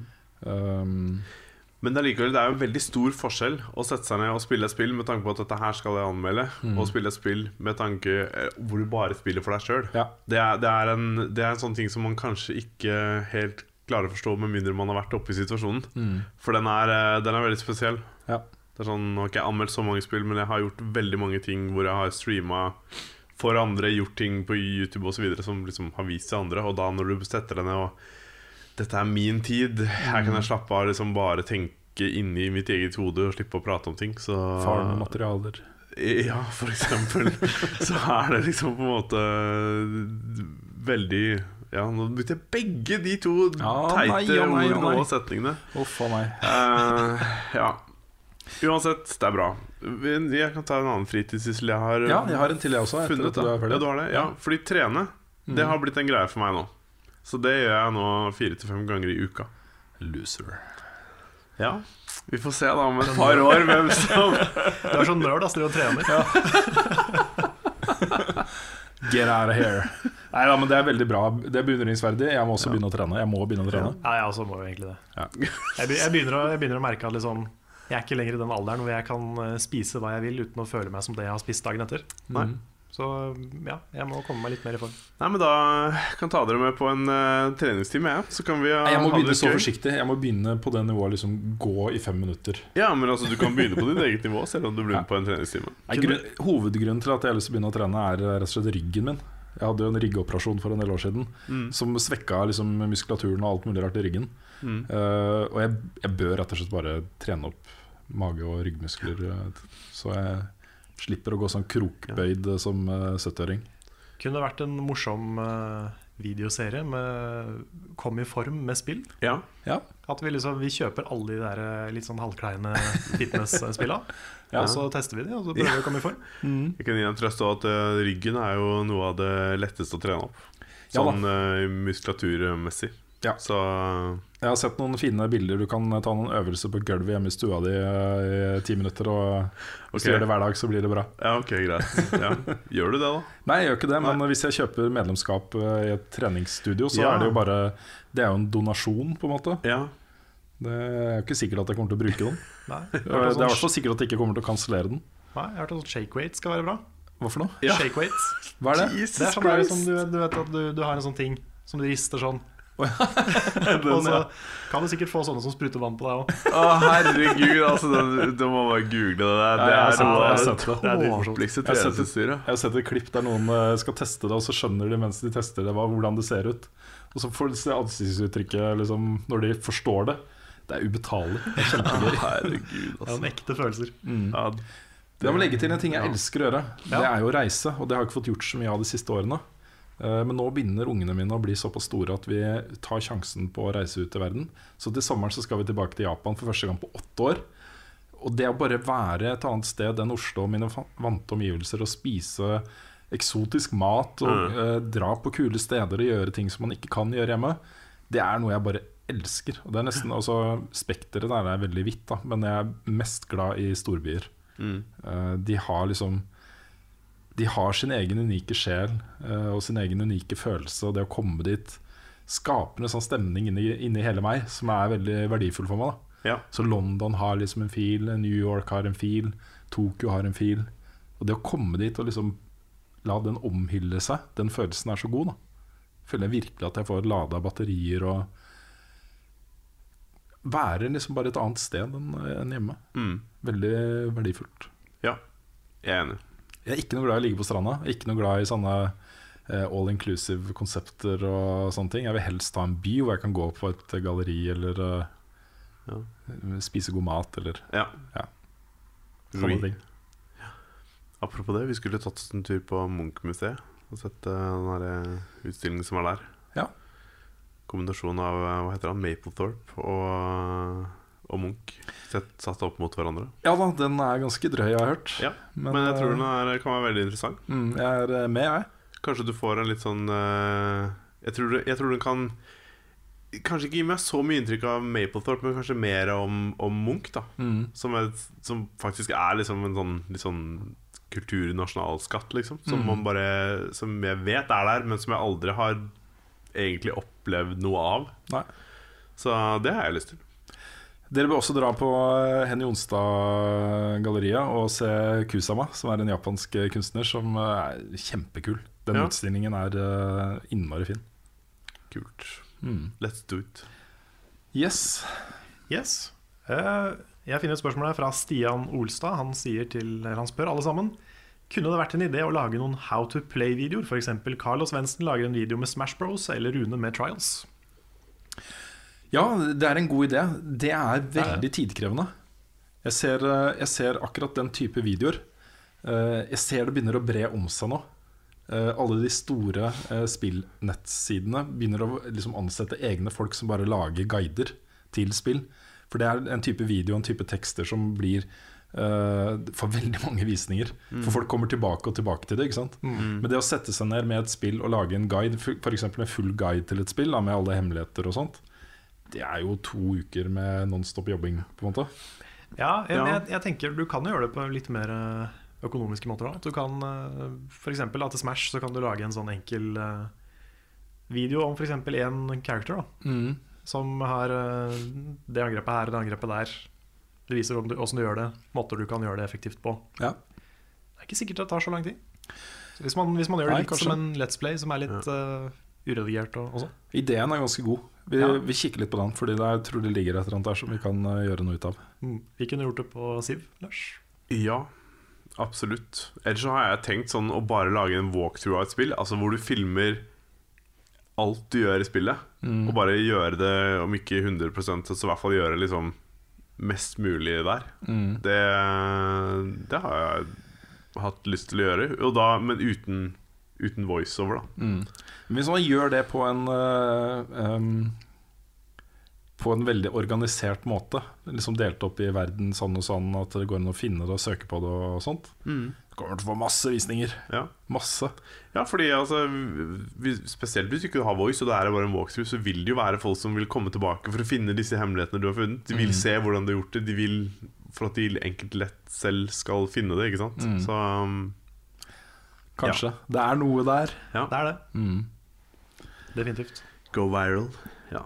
Jeg har for eksempel så har jeg tenkt på mange ganger at uh, en god sånn guidevideo å lage hadde vært uh, å forklare grunnprinsippene i uh, racingspill. Og så forklare hvordan en racing line fungerer. hvordan, når du bør bremse inn i svinger, når du bør, bør begynne å gasse, når du bør slippe, slippe gassen. alle de tingene der. Som, er, som jeg oppdaga mer eller mindre på egen hånd. Da jeg spilte Det ville jeg ha sett. Ikke sant? Det er ganske interessant, og der kunne man jo For det er uh, nesten universelt. da Uansett om det er et arcade racingspill eller et uh, simulasjon, Ja. så er racinglinje er helt superviktig. Og det er, Ja. tror det er en del som får litt sånne aha-opplevelser uh, hvis de får en enkel guide til det. Ja, fordi altså det jeg har slitt med i de meste racingspill, er jo å føle at jeg har kontakt med bilen. Altså, jeg klarer ikke å beregne hvor mye sladd, hvor mye brems. Farten er umulig å si. Det står 190 000 på speedometeret, men det virker ikke så fort. Ikke sant? Så du klarer ikke helt å se disse her forholdene som du ser når du kjører bil, bil IRL. Da. Så kanskje VR vil hjelpe på det. Kanskje. Kanskje. Oh, Project Cars er et av de spillene som ser kulest ut i Oculus. Altså. Ja. Det ser bare helt latterlig gøy ut å spille med VR. Ja, sant. Jeg har et litt langt spørsmål her, fra Ole Jørgen Skjulsrud Hansen. Ja. Ok. Eh, Noen spill har en stor bakgrunnshistorie med masse law og informasjon om det som skjer i spillet, f.eks. Skyrim, som jeg har brukt mye tid på. Hva tenker dere om den store bakgrunnshistorien noen spill har? Har dere eksempler på spill hvor law og bakgrunnshistorie har vært kjedelig og unødvendig for selve historien og spillopplevelsen? Og har dere noen gang blitt veldig investert i et spills bakgrunnshistorie? Det har skjedd mange ganger for min del. Jeg syns jo eh, alle, nesten alle Final Fantasy-spilla Nå er jo kanskje Final Fantasy 13-serien et eksempel på det andre han sa. Så hvor det har blitt litt mye greier og litt kjedelig og litt mye fremmedord. Og har ikke helt funka for meg, da. Men eh, mange av de litt eldre Final Fantasy-spilla har, eh, har jeg blitt kjempeinvestert i. Uh, Souls-spilla har veldig sånn skjult, men veldig sånn spennende law. Og som han sier, Skyrim har jeg også vært investert i. Ikke så investert i det, kanskje, som i andre litt mer sånn lineære historier. Men ja, massevis. Mm. Jeg har mest sansen for eh, bakgrunnshistorier som ikke er synlige. Som eh, du, du bare opp, Du vet de er der, de hintes til. Eh, De gir deg en følelse av at du er i et sted med lang historie, og hvor det har skjedd ting før, og ting er der av en grunn. Eh, Et godt eksempel på det er eh, IK Shadow, Shadow of the Colossus. Som jo er minimalistiske i historiefortellingen, men maksimalistiske i eh, mengden historie som faktisk eksisterer i de universene. Og det syns, det syns jeg er interessant, for du føler virkelig at du kommer inn et sted som om ikke eksisterer, som i hvert fall har en tyngde, som har en substans. eh, uten at eh, du blir sittende og se på masse, masse cutscenes og sånne ting. Det setter jeg veldig pris på. Og det, det har med på en måte interaktiviteten i spillmediet å gjøre. At eh, du i større grad skal føle at du bidrar inn i dette universet, enn at du blir mata med masse informasjon og bakgrunnshistorie. Um, et annet godt eksempel på det er Halo-spillene, som også er ganske minimalistiske i historien. Det er noe der, eh, men du får liksom hint til så mye kule ting som har skjedd i dette universet, som du ikke blir liksom presentert på en skikkelig måte. Da. Eh, Så hvis du setter deg ned og uh, gjør litt research på de tingene som blir nevnt og hinta til, så oppdager du at herregud, dette er jo en, et fantastisk univers. Liksom.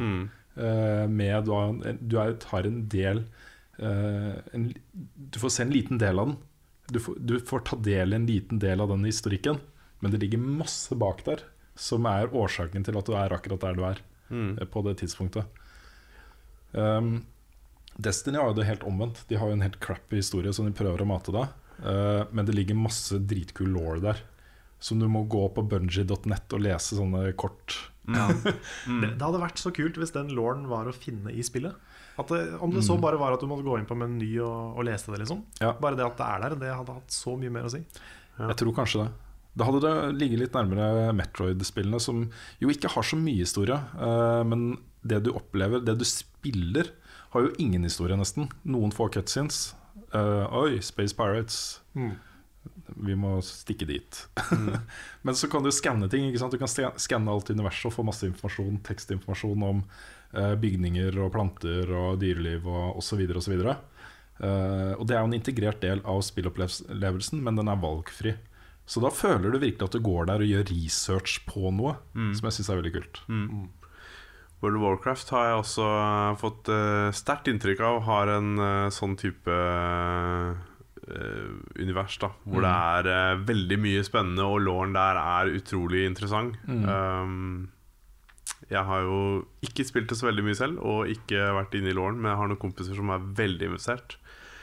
Og bare å høre dem sitte og fortelle om det, gjør jo at det, det høres jo interessant ut. Så det, det er jo tydelig at det er noe mer med det spillet, liksom. Ja. Mm. Så det er som, eh, Ja, nei, sorry. Ja, nei, det ja. Bare snakk, du. Ja, litt, litt apropos, så eh, har jeg også brukt mange kvelder på å lese forumposter om Selda-tidslinja. Ja. Den var jeg ganske investert i en periode. Ja. Kom det en offisiell versjon av den, men før det så var jo det et prosjekt. Mm. Å prøve å lime sammen historien i forskjellige Zelda-spill. Ja. Det er eh, komplisert. Ja, det er komplisert. Det som, det som jeg virkelig setter pris på i spill, er jo hvor, eh, hvor eh, ting du møter, har en bakgrunnshistorie, og eh, at det er der av en grunn. Uh, Hvis du tar Bioshock-spillene, f.eks. All den teknologien du møter uh, når du går inn i leilighetene til folk og ser hvordan de har det, og sånt, og så hva slags type utstyr de har i hjemmet sitt.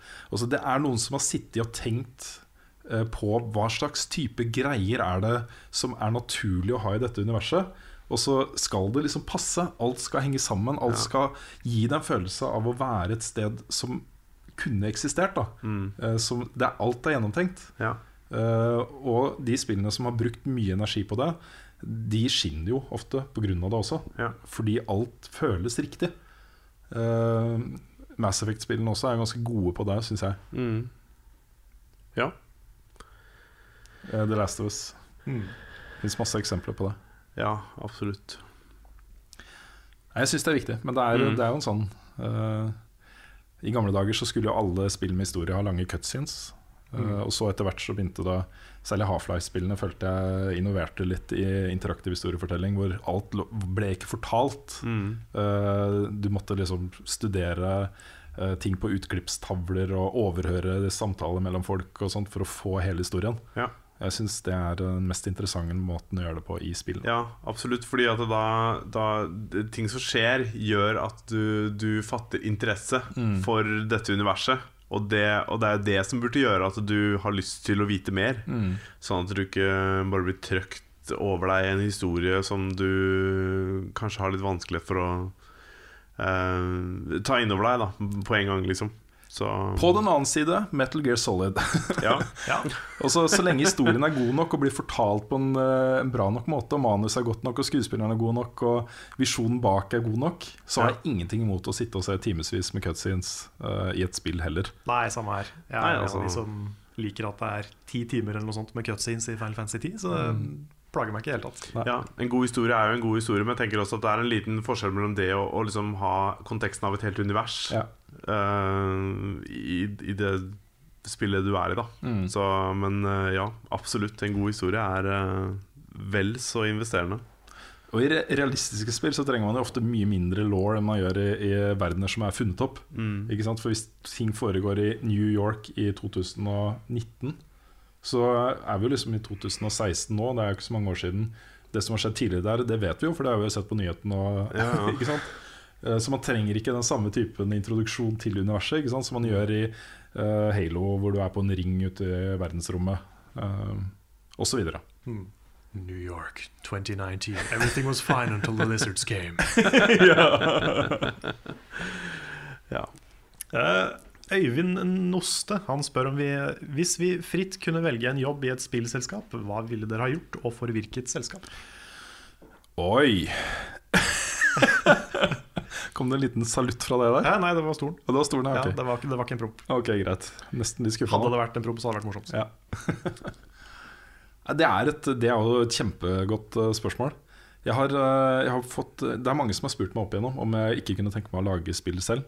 Mm. Og jeg vet jo hvor ille det kan være å jobbe i et eh, spillselskap.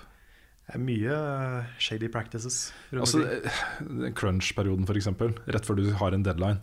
Hvor du må liksom sitte og jobbe. Og det, det er så morsomt å se rulleteksten på store prosjekter som har tatt lang tid å lage.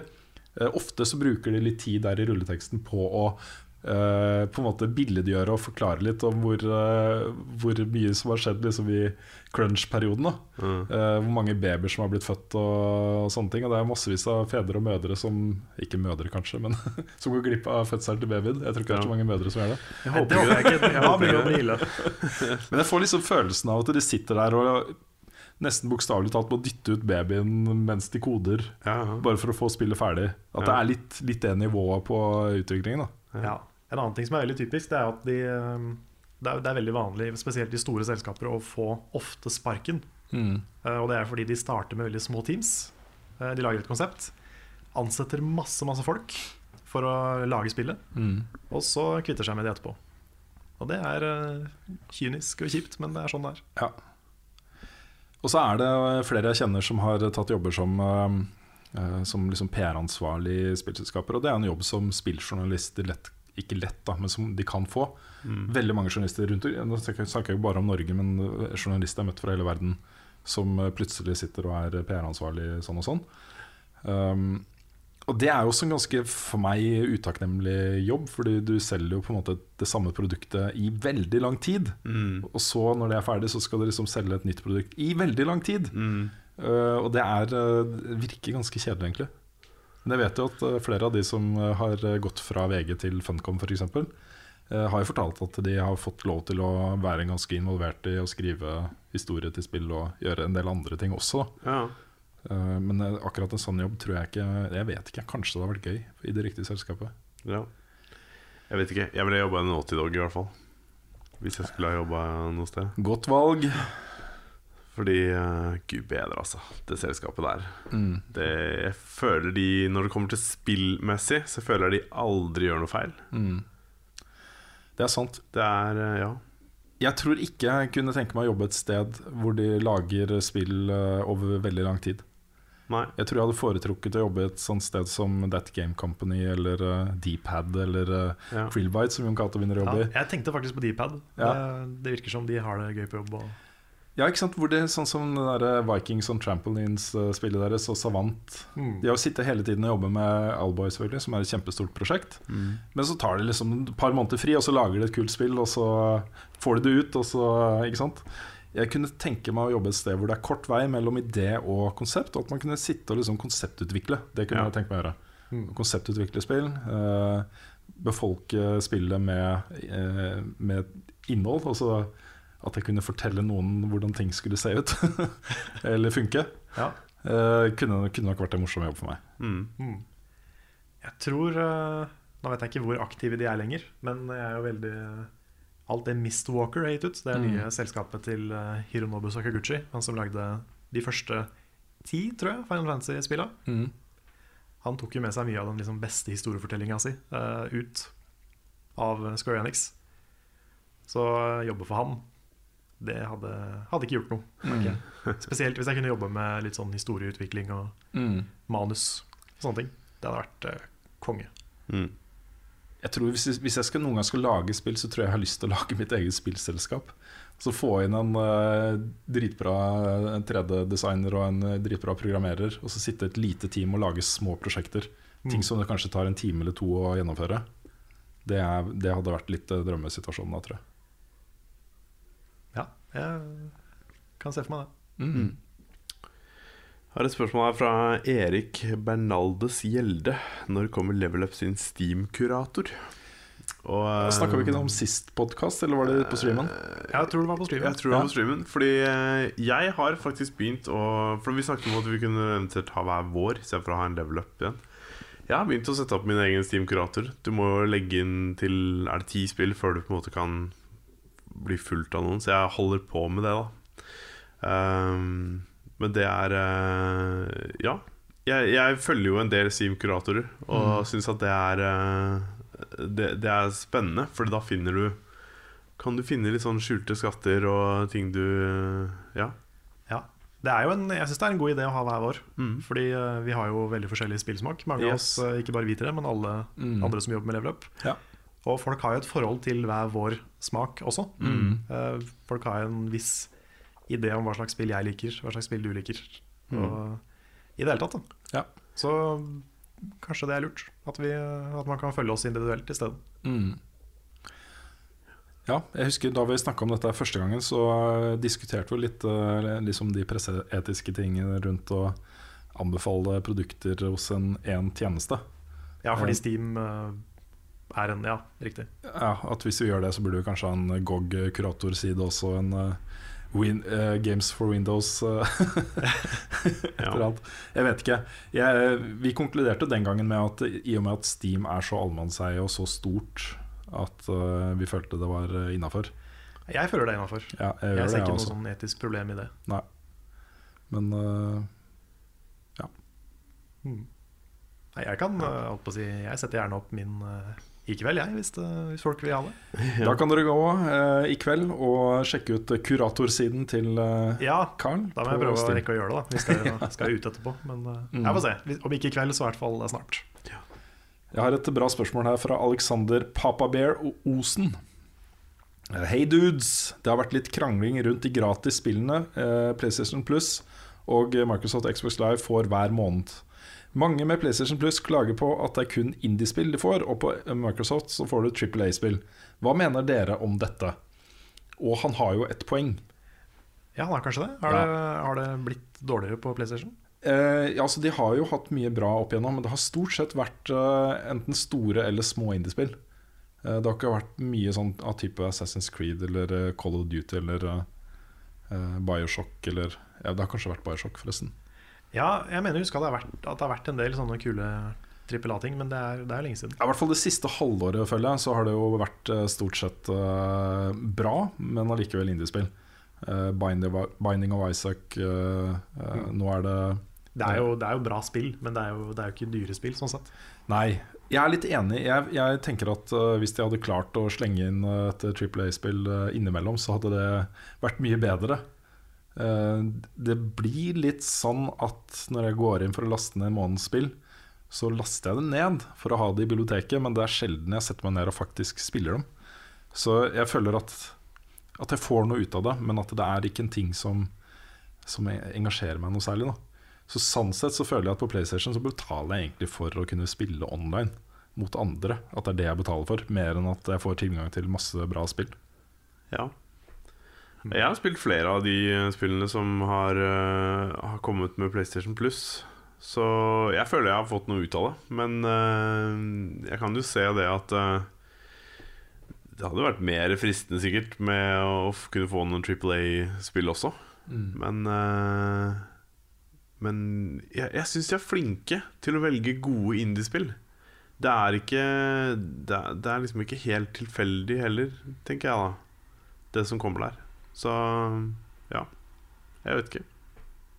Nei, Nei altså jeg, jeg ser jo poenget med at på en måte det å få et fullt uh, type 500 kroners spill gratis, er jo, det gir jo liksom mer følelsen av at det er litt verdi i det. Da. Men uh, spillkvaliteten syns jeg jo er høy. Ja, det er den. Det er den. Men eh, de burde liksom nå begynne å legge inn Killzone og uh, litt eldre ting, da. Ja. Som kanskje ikke selger så mye lenger. Mm. Det burde de rett og slett bare gjøre, syns jeg. Mm. Ja, det er jo en ålreit gest. Mm. Tomb Raider 1. Mm. Altså ikke Tomb Raider 1, men Definitive Edition. eller ja, ja, ja, Tomb Raider uh, reboot. Mm. Jeg har uh, kanskje tidenes beste spørsmål fra Christian Greiner her. Hver bidige natt våkner jeg svett og skrikende i eksistensiell skrekk over det faktum at jeg skal dø en dag. Hvilket One Direction-album anbefaler dere? Jeg så det spørsmålet der. Det er det rareste spørsmålet vi har fått. Tror jeg. Ja, jeg er ikke noen ekspert på One Direction. Jeg vet ikke om dere er det. Nei, jeg er eh, ekspert på eksistensiell krise, men Ja. eh, det spør han jo ikke om. Så Nei, det er jo One Direction det går på. mm. ikke det en eksistensiell krise i seg selv? Jeg vet ikke. jeg vet ikke. Men uh, kudos for eh, spørsmålet. Det var Veldig, morsomt. ja, jeg følte det, det måtte nevnes. Mm. Det er et annet veldig bra spørsmål her fra Ole Kristian Rudstaden.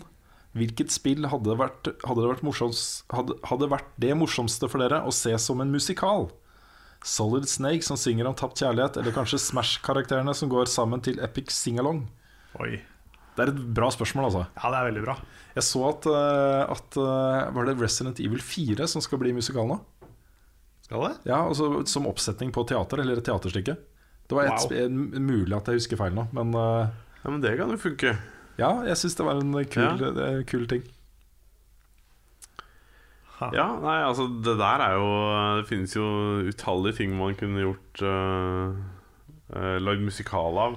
Og det kunne sikkert vært uh, kjempefestlig. Men, Man kunne jo eh, til og med lagd musikal av Level Up Ja, Ja, det er godt ikke noen har gjort det. Godt det ikke blitt- noen har gjort det. Det hadde blitt kleint. til episode nummer 100. Ja. Som også ligger ute på YouTube-kanalen. Dodge the bullet, at ja, ikke vi gjorde dodge det. the bullet Ja. there. Nei, men eh, Vi snakka mye om musikaler eh, i uh, ikke forventa settinger eh, da vi lagde den musikalen, eh, Karl. Og eh, et av mine kroneksempler der er jo eh, episoden 'Once More With Feeling' til Buffy the Vampire Slayer. ja. Hvor alle karakterene bare bryter ut i sang. Og det er bra, liksom. Det er bra låter, eh, bra tekster, ikke minst. Masse sånne viktige storyting som avsløres i den episoden, og som får en ny retning eller en konklusjon. Eller så det skjer så mye gøy, da. Eh, og det syns jeg var for det første bare et veldig morsomt grep, men et veldig effektivt grep. Mm. Det fikk meg til å tenke at det, det å kunne lage en musikal av noe man ikke forventer skal være en musikal, det ligger så mye gøy i det. ja. Det Og sånn sett så kunne jeg kanskje tenkt meg å se en musikal med noe som er litt sånn dark og gritty og et eller annet, altså. Gears of War-musikal. Gears of War the Musical. Det er jo kjempemorsomt. Det hadde jo blitt dritmorsomt. Ja. De er svære kjøleskapmennene som kommer inn på scenen. Og, bare, ja. Og bryter ut i sang. ja, eller sånn opera. Ja, ikke sant. Uh, ellers så hadde jo Resident Evil uh, er jo også et uh, godt alternativ der. Mm.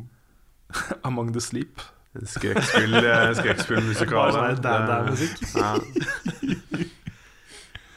ja. Um, Ja, hva var det Jo, um, det er jo lite musikalstykke i det fra før, men Conquers Bad Fur Day, the musical, oh, det kunne Ja. vært gøy. det hadde vært kjempegøy, da.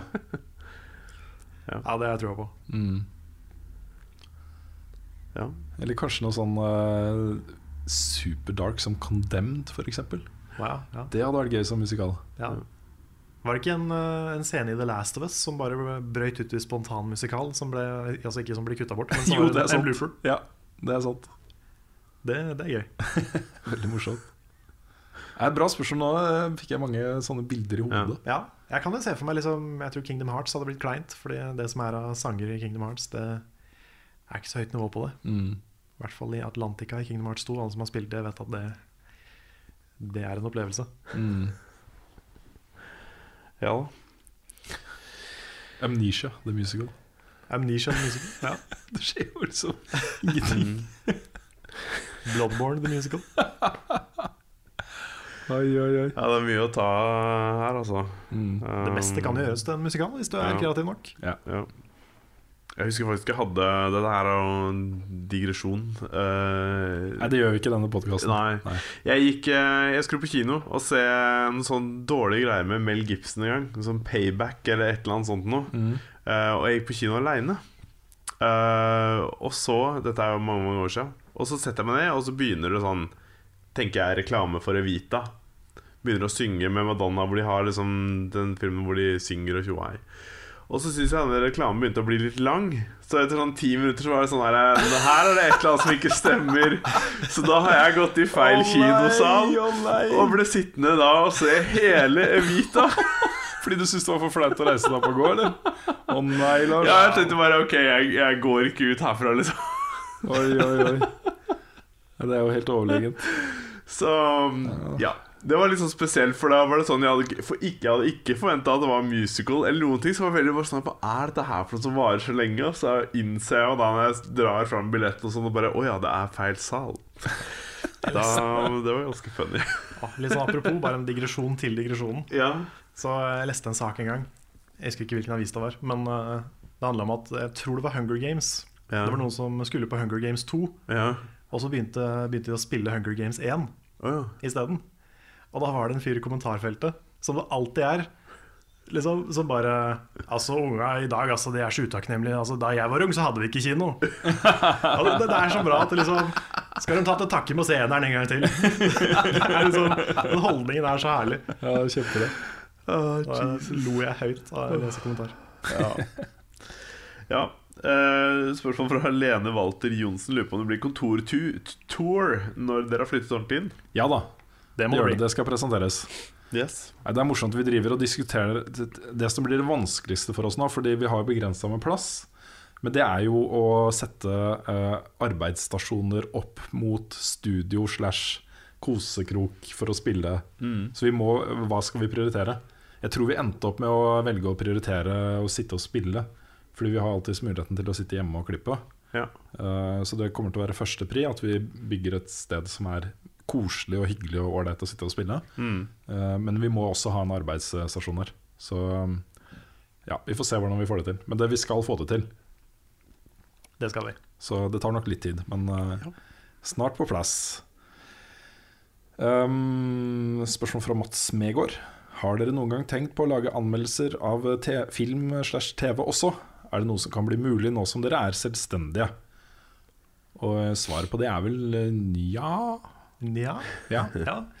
Altså, alt er mulig. Nå er vi jo våre egne sjefer. Mm. Men uh, vi har jo snakka en del om, om det, og vi var inne på en periode før, uh, før vi gikk ut av VG. Uh, og kanskje lage noe litt mer generell nerdekultur-type opplegg. da Mm. Nå som så mange spillsteder, eh, spesielt i eh, litt sånn store norske medier, har blitt lagt ned, så ser vi litt verdien av å være et rent spillteam. Ja. Men hvem vet, kanskje vi eksperimenterer med noe sånt en gang? Ja, altså det er, Hvis vi noen gang skal se for oss en utvidelse av hva vi skal holde på med, så er jo film og TV uh, det mest nærliggende å tenke seg at vi eh, kikker på. Vi ser jo masse film og TV, rett og slett, og har meninger om det også. Så eh, kanskje et sted å starte en eller annen gang, eh, 2017 f.eks., er en film- og TV-podkast. Mm. Med på Ja. Et eller annet. Ja. Men ideen er god, i hvert fall. Det er. Absolutt. Um, Simen Kristoffer Frogner. Uh, hei, har dere en veldig stor backlog av spill som dere har kjøpt, men ikke har fått spilt ennå? Og hvor mange timer spiller dere hver dag? Jeg, jeg aner ikke hvor stor backloggen min er, men det må jo være tusenvis av spill. Ja. Mange mye. tusen. Det er jo, vi er jo ofre for uh, Steam-salg og sånne ting. Vi Ja, ja, ja. Og så er det Nå har jeg vært i en sånn situasjon hvor jeg har vært i en jobb hvor det har kommet spill i postkassa nesten hver uke i nesten 20 år. Eh, Og veldig mye setter jeg inn i maskinen og tester i liksom en halvtime for å se hva det er. Og så legger jeg det bort og spiller det aldri igjen. Så mange av de spillene er sånn. Jeg vil Mm. på en måte inkludere det i backloggen. Uh, og så er det også veldig mange spill som jeg vet at jeg har lyst til å spille, men ikke har tid til å spille. Så åh, det er så mange spill. Altfor mange. Det kommer jo ut Ja. Hvor mange tusen spill er det i året? Mange tusen spill. Ja, mange tusen spill som jeg aldri får Ja, det, er, det er godt vi ikke gjorde det til en sang. Ja, godt vi ikke gjorde det til en sang. Um, dette er ikke et spørsmål, men det er en kommentar på Drittspillspalten. Ja. Fra Erik Bernaldes Gjelde. Han sier rent underholdningsmessig så ser jeg at en drittspillspalte kan fungere, men burde man ikke heller fokusere på gode spill? Jeg synes det var litt eh, interessant eh, å kommentere det. ja da, for det går rett på øh, filosofien vår. Vi bruker jo mye mer energi på å vise fram gode spill enn dårlige spill. Mm. Så, så det er jo på en måte litt policyen vår, at vi skal prøve å finne fram til de gode spillopplevelsen. Om det er et lite indiespill eller et stort blockbusterspill, det har, jeg har ikke så mye å si. Og så er det jo én ting som trumfer det litt, og det er jo øh, svære utgivelser som både vi og mange andre har gleda seg til, som vi føler at vi må anmelde på et eller annet vis. Eh, Men pri én er jo gode spill. Mm. drittspill er vel bare fordi det er en gøy spalte. Mm. Ja, det er, jo, det er jo mest for underholdning. Men jeg tenker også litt sånn Jeg jobber jo med drittspillinnslag nå. Eh, og jeg tenker også litt sånn Nå er jeg kanskje litt i overkant opptatt av sånn type spilldesign og, og film for så vidt også. Eh, sånn hva som går inn i å lage en film eller et spill. Og jeg merker at jeg lærer jo mye sånn personlig om det av å se f.eks. The Room. da Jeg føler jeg lærer mer av å se The Room enn å se en god film. Fordi du ser hvor mye som kan gå gærent. Ja. Hvor mye som må være bra for at en film skal være bra. Så jeg, tenker, jeg håper liksom litt at drittspillspalten skal kunne gjøre det. da At man skal kunne peke på sånne ting som ikke funker, for å få en mer forståelse av hva som funker. Jeg vet ikke. Mm. Så det er en- kanskje den, den lille redaksjonelle edgen da som kanskje den spalten kan ha. Ja, så, så er det jo sånn at vi Vi lager jo ikke bare journalistikk. Vi har jo et snev av underholdning i, i ryggmargen vår. Vi Mhm. skal jo lage ting som er morsomme å se på også. Um, og det å kunne lage Så dårlig spill er god underholdning, rett og slett. Det er jo det. Det er jo det er få anmeldelser jeg har hatt det så gøy med som eh, Star Trek og Tony Hawk 5. Ja, fordi spilla var så ræva. Ja, ja. Og vi måtte jo anmelde de, så da ble det sånn. ja, ikke sant Uh, Og Det er også en ting vi snakka litt om på streamen. Um, er at Det er jo morsomt om vi klarer å velge ut spill til den spalten som ikke er sånn obvious drittspill. Ja. Så Jeg kan, jeg kan jo si det at det er ikke Det er et Sonic-spill, men det er ikke Sonic 06 eller Sonic Boom jeg skal trekke fram i innslaget mitt. Bra. Fordi de er gjort nok ganger nå. Mm. Ja. Uh, har et uh, bra spørsmål fra Pål Lone her. Han sier det nærmer seg påsketider og jeg reiser vekk fra konsollen. Har dere noen gode mobilspill å anbefale for påskekosen? Ja, det har jeg. Nå kommer jeg til å miste Miste hvor jeg er i spørsmålsgreiene, men jeg skal finne fram til et par stykker. Uh, Det er et spill jeg har snakka om før som heter Altos Adventure, som mm. er uh, kanonbra. Ja. Um, det jeg tror det er både på Android og IOS. Uh, Ja, det er i hvert fall på iOS. I hvert fall på iOS. Det er kjempe, det er kjempe, kjempe, kjempebra. Det er et annet spill jeg skal se om jeg finner Ja. Twofold Ink heter okay. det. Uh, det skrives uh, TWOFOLD, mellomrom INC. Det er et puzzlespill. Uh, kanskje det beste puzzlespillet jeg har spilt på telefon. Hmm. Det er dritbra. Det kom nå i år. Um, jeg lurer på Jeg husker ikke helt. Det er et svensk selskap som har lagd. Jeg lurer på om det er de samme som lagde um, Lagde hva, hva er det det heter for noe? Uh, we're gonna need a bigger boat, eller uh, Å ja. You Must Build a Boat, var det? Eh, Ja, jeg must- ja. Jeg er ikke helt sikker. eh, uh, ja. De har lagd en del interessante ting før, i hvert fall. Riktig. Men det er, det er et konge-mobil puzzle-spill. To, Kult. to tips fra meg. Jeg har også et uh, spill som kanskje passer litt til påske. da Hvor Det skal være sånn- Det er ikke direkte krim, men det er i hvert fall uh, skummelt nok. Eh, The Last Door. Ja, nettopp. Det er um, Det er et, eh, det er et pek og klikk-spill, men det er, uh, det er bra, altså. Og det kan du spille på i hvert fall iOS. Jeg vet ikke om det finnes på Android, men um, veldig, veldig bra, bra spill. Så det, det vil jeg anbefale. Mm. Ellers er det jo mye annet du kan kose deg med, da, men det er jo vanskelig å finne gode spill på telefonen som ikke har mikrotransaksjoner. Det er det. Så, um, men Fallout Shelter, det kan du spille uten å kjøpe noen ting. Og det, det er jo gøy. Ja da. Så um, det kan jeg anbefale. Åh, jeg må bare også nevne Hitman Go og Lara Croft Go. Ja, selvfølgelig. De to spillene er konge. Selvfølgelig. Så har du de klassikerne sånn som Monument Valley og, Ja. og sånn. Ja. Uh, Ridiculous Fishing. Ikke minst. Mm. Det er. Tiny Wings. Tiny, ja. True Så er et annet uh, Jeg vet ikke om det er et spill direkte, men det kalles one button. Uh, det starter med at du trykker på en knapp, og så begynner du å få inn samtaler fra noen som lever i framtiden. Mm. Og så er det litt sånn Ja, skal du ta noen valg underveis, og så får du en samtale fra denne personen, osv. Så, videre. Kult. så det eneste jeg, jeg har litt problemer med det, er at den Noen ganger så kom, kommer det sånn at han skal gjøre et eller annet, og da går det liksom to-tre timer før han kommer med en ny melding. Så spillet er lagd sånn at det skal liksom vare en stund. da At du skal få inntrykk av at- tiden faktisk går. Okay. Det kan du overstyre i spillet, men uh, ja. Mm. Jeg vet ikke. Det er sånn tekstbasert. Her Story. Ja, Mm. Ja, det er på telefonen, det. det, Det er det. Ja, det er dritbra. Mm. Det, er, det er skikkelig bra. Så har jo eh, Kan bare nevne at Final Fantasy 9 har kommet på IOS. Det har det. Det, jeg vet ikke om jeg vil anbefale å spille det på IOS, for det er jo et 40 timer langt spill. Så jeg ville kanskje heller spilt det på Steam når det kommer. Ja. Men uh, det fins. Jeg har hørt at de Assassin's Creed-spillene som akkurat kom på eh, IOS, også skal være ganske bra. Jeg har hørt at de er OK, i hvert fall. Ja, ok. Jeg vet ikke. Det er ikke det første jeg ville anbefalt, men eh, jeg bare Nei. kom på det. De, har, en, de har en kul visuell stil, i det minste. Så her får dere bare spole tilbake, folkens, og eh, sette på pause når vi sier en, eh, navnet på et spill, og så notere det. Så Ja, absolutt. mm.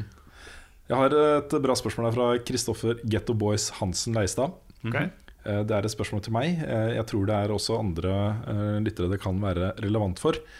Jeg har akkurat blitt nybakt far, eh, skriver han. Gratulerer så mye. Eh, Og skjønner per nå ikke hvordan man kan få tid til spillhobbyen sin. Har du tips til hvordan jeg kan få løst opp tid til det? Det første jeg vil si er at eh, I og med at han er nybakt far, så, så vil jo kveldene bli mer fri etter hvert. Etter hvert så skal jo liksom ungene legge seg i seks, de er liksom seks-sju-tida, og helst sove natta gjennom. Et tips jeg kan gi, da, for den tida er veldig verdifull etter at de har lagt seg, før du skal legge deg.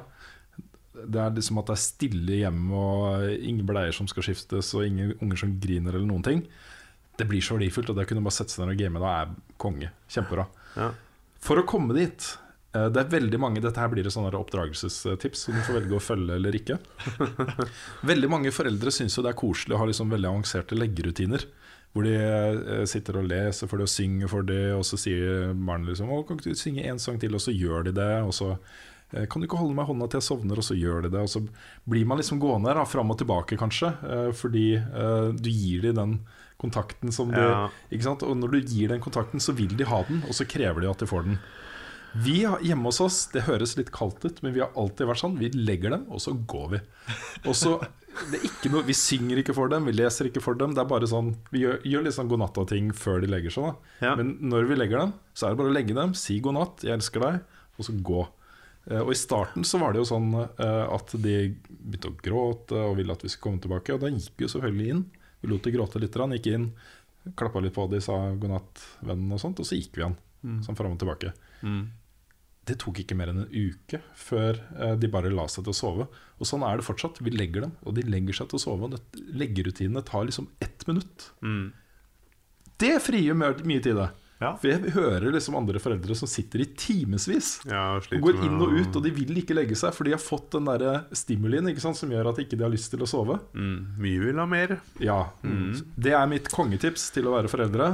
Bare legg dem og stikk. Ja, nå ser sånn her Pappa, det er et monster under seng. Døra smeller igjen. What? Gå og legg deg.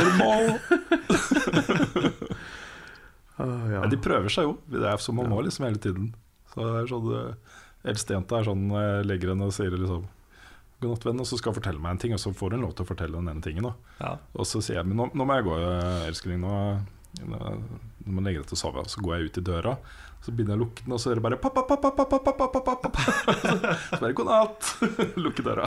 Ja, åh, det, nå er ikke jeg pappa, men jeg ser for meg at hvis jeg var det, så hadde jeg falt i den fella der. Ja.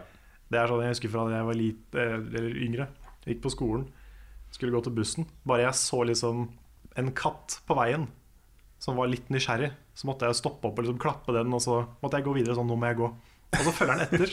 Og så bare, å nei, jeg må jo bli her litt til, ikke sant. Bare på en katt som ikke jeg kjenner, så får jeg den. Så jeg, jeg kommer til å være håpløs på det her.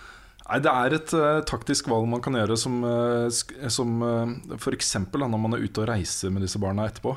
Uh, og de har de rutinene. Vi har lagt disse ungene nesten overalt, og de har sovna. Det er eh, Du, du eh, Lagt unngår ned vinduskarmen og lagt ned grøftekanten og ja, Og på kjøleskapet. på dekk på båten. Og, Ja. ja, nei, men eh, du, du fjerner så mye problemer ved å være litt konsekvent på akkurat det der. Hmm. Og jeg elsker dem like mye allikevel. Ja, ja, det er viktig å sette grenser. Så kan man heller liksom, for eksempel Hvis man har lyst til å lese for barna, så kan man gjøre det den halvtimen før de skal legge seg. Ikke sant? Ikke i senga når de har lagt seg. Hmm. Yes. Dad of the year. Vi har et ukens Sinfor-spørsmål også. Ja, eh, musikken. Shit. Jeg Ja, vi tar et annet spørsmål, da. Ja, vi gjør det. Eh, Det er til deg, eh, Carl. Fra okay. Kjetil Myhre Berge. Jaha.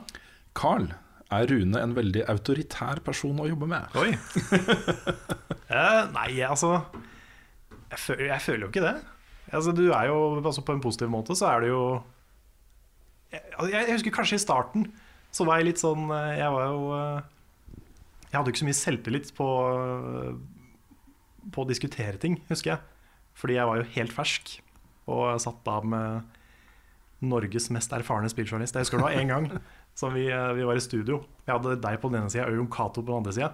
Jeg tror aldri jeg har følt meg så liten som når jeg hadde dere to og skulle diskutere noe med dere to. Det var, eh, det var nesten ille. Det var jo Jeg hadde liksom Jeg har jo fortsatt også stor respekt for liksom dere og deres eh, ja, synspunkter, deres approach til spilljournalistikk. Så, så, det tok meg litt tid å venne meg til det. da Å kunne liksom sitte og prate. Og føle jeg liksom var Kunne prate på et nivå da som, som var ok. Mm. Men eh, Nei, jeg føler ikke det er sånn veldig sjefete. Nei, jeg er jo litt Men- sjefete. Jeg tar jo litt styringa av og til på en del ting. Mm. Når jeg er i møter og sånt, så har jeg litt lett for å ta ordet og snakke, på en måte. Ja, det syns jeg er greit, egentlig. Ja, ja, jeg gjør det fordi jeg føler at du syns det er greit. Um, vi er jo i masse diskusjoner om ting hvor uh, jeg absolutt ikke føler at jeg prøver å presse min mening ned på det. Nei. Vi er diskusjoner hvor du har en annen mening, og hvor vi uh, enten blir enige om en middelvei, eller hvor du får rett eller jeg får rett. Og så jeg, jeg, jeg føler virkelig at, uh, vi, at vi er likeverdige på, på den måten. Mm. Men, uh, men jeg er jo eldre enn deg og har mer erfaring, så det hender jo kanskje da at jeg fremstår som litt mer sånn autoritær enn jeg egentlig er. Ja, altså jeg, jeg skjønner jo litt hvorfor han spør, fordi jeg sånn, som kontrast er jo kanskje Jeg har en kanskje litt sånn i overkant diplomatisk måte å prate på. At jeg, eh, jeg er ikke så veldig bastant. Så kanskje i sammenhenger hvor jeg er sammen med andre mennesker, så kan det virke som jeg er mye mindre bastant enn andre. Jo, du er bastant! Ok da, ok da. Det er greit, whatever you say. Push over. Det er greit, sjef. Um, ja, men jeg tenker at her behøver jo ikke nødvendigvis å bety noe negativt. Altså Det behøver ikke være så ille Nei, jeg- jeg som det på en måte jeg ble fremstilt litt her nå. For det er, Som sjefete tenker ikke jeg nødvendigvis at man må være autoritær. For jeg ser jo på deg som en autoritær person, men jeg tenker ikke nødvendigvis jeg har, Nå har jeg sett veldig mange sider av deg også som på en måte gir et mye mer helhetlig inntrykk av deg eh, som person. Så det er jo overhodet ikke negativt at du er autoritær til tider. Eller, eh, ja. Nei, nei tenker det, mer at du har en at du har sterk karakter. da ja, det syns jeg. Du har en, du har en sånn tyngde. Eh, En sånn uh, journalistisk og liksom profesjonell tyngde, vil jeg si. Ja. Ok Det er en uh, veldig fordel. ja, Du ser okay. veldig fornøyd ut nå. Er du er, Nei, jeg syns det er litt flaut å snakke om de tingene. Ja. Men, men eh, i, i hvert fall, da. eh, Så, så um, Jeg eh, har jo ofte sterke meninger om ting. Men jeg håper, og jeg jobber i hvert fall med det, og, og prøver så godt jeg kan å være åpen for andre ideer. Og jeg føler jo ofte at når vi diskuterer liksom videoer eller eh, selskapets fremtid eller hva som helst, liksom, så er det en diskusjon. Ja, ja. Ikke sant? Det er ikke sånn at jeg bestemmer hvordan ting skal være. Men så var det jo sånn når vi satt og registrerte selskapet Jeg, jeg gjorde jo det da, i Brønnøysundsregisteret og tok den jobben, liksom. Så, så satt jeg og vi skrev stiftelsesdokumenter og sånt. Jeg er jo styreleder og daglig leder. Det, var, det satte jeg bare opp. Ja. Eller det var ikke noen diskusjon rundt det, liksom. Nei, det er jo for så vidt. Men det, jeg hadde ikke lyst til å være de tinga uansett. Så det, Nei, men jeg tenkte det, det var for så vidt greit. Mm. Og det er også litt Jeg, jeg opplever jo ofte når vi er i møter, at um, de, noen av de vi snakker med, kjenner meg bedre enn deg. Mm. Og føler at det er kanskje noen ganger litt mer naturlig å snakke til meg om ting. Uh, kanskje. Mm. Jeg vet ikke. Men uh, da er det jo greit at jeg på papiret er en slags sjef. Da. Mm. Men eh, ja, alt som har med selskapet å gjøre, er eh, Jeg bestemmer ikke Nei. der. Og jeg kan jo si det til eh, hvis noen er, er bekymra, så, så kan jeg i hvert fall si at uh, hvis jeg noen gang hadde følt meg overkjørt, så hadde jeg sagt ifra. Ja. Det, det klarer jeg. Mm. Ja, det gjør du. Det er bra. Yes. Har du funnet fram musikken til ukens Sin4? Det var det jeg skulle. Shit. Det, det, Det var et altfor bra spørsmål. ja, det, det, det jeg fikk litt sånn Jeg måtte tenke litt der. Mm. Skal vi se. Jeg, eh, ja, det, tar nok fort et minutt, altså. Så vi rekker et spørsmål til hvis du har. Har du et, eller skal jeg ta et? Nei, jeg hadde ikke det. Ta et, du. Um, Magnus Bareksten spør Hva syns dere om første uke på Paradise? Bedre enn tidligere, eller begynner det å gå nedover for hotellet? Oi. Jeg har ikke sett noe. Nei, det er, det er litt morsomt. Det er fordi uh, i kategorien Guilty Pleasure så er vel Paradise Hotel kanskje den eh, drøyeste jeg har. Jeg syns det Det er litt fascinerende å se på det programmet, fordi det er veldig mange mennesker som ikke er så gode på quote unquote spille et spill, som prøver veldig hardt å gjøre det. Og det kommer så mange morsomme sitater fra den serien. Sånn 'jeg bærer ikke noe gnag', og 'folk er kjedelige, og jeg vil steke'. Det er så mange sånn utrolig morsomme at jeg bare lever for sånne ting. Jeg elsker sånn klein, klein humor. Og det, da er det gøy å se på Paradise Hotel. Det er crap, men det er gøy. Ja. Um, jeg syns jo det er morsomt fortsatt. Ja. Jeg syns sesongen har vært uh, Et par av de figurene som de har fått inn her, har vært ganske morsomme. Og det er jo en, det er jo en serie som gjør narr av deltakerne. Det, er jo ikke, det blir ikke framstilt som at de er sexy og kule, sånn som mange som ikke har sett på Paradise, tror. da De, er jo, altså, de blir jo latterliggjort på en morsom og søt måte, syns jeg. da Jeg syns ikke det blir veldig slemt. Det ender at de er litt slemme mot hverandre. Men eh, ja, nei. Det er, eh, det er en underholdningsverdi i det, altså. Ja. Og den er der fortsatt. Jeg skal ta et par kjappe spørsmål mens du eh, leter. Ja, du har funnet den? Jeg har funnet den. Ok, men Da tar jeg de spørsmålene først. Okay. Et fra Bjørn Corneliussen, eh, eh, for det er viktig å svare på da. Har dere gjort eh, dere noen videre tanker angående å ta spilloppdrag i en uke? Dere var innom det for to uker siden, eller noe, og det han snakker om, er at vi diskuterte eh, Vi ba om liksom tilbakemeldinger på det å kunne eh, ha content marketing hos oss. At noen betaler for at vi i en uke f.eks. bare dekker Ikke bare dekker, men at vi har kanskje fem videoer om ett og samme spill i en lanseringsfase f.eks. Um, uh, svaret på det er kort og greit at vi gjør ikke det. Nei. Vi, vi snakka litt fram og tilbake, og fant ut at det heller får bli en last resort, kanskje. Ja, eller i hvert fall at eh, For nå er jo situasjonen det at vi har sluttpakker og ting surrer og går, eh, på en måte. Eh, Til høsten må vi sette oss ned og lage et budsjett for 2017 og kanskje begynne å selge på 2018 og se hva er det vi egentlig har av inntekter. Hva er det vi kommer til å ha utgifter? Og så må vi begynne å vurdere alle inntektsmulighetene våre. Men inntil videre ingenting. Det andre jeg ville svare kjapt på, er fra uh, Musamel Hussain. Eh, han sier han har spurt om dette en stund, så derfor har jeg lyst til å svare på det. Men jeg lurer på om dere kan anmelde XCOM 2. Um, han sier han er ikke sikker på om han skal kjøpe det eller ikke. Uh, det spillet kom jo ut liksom et par uker før vi begynte å etablere ting og gjøre ting. Eh, så det falt litt vekk, og nå har det gått så lang tid at det blir litt rart å gå tilbake på det.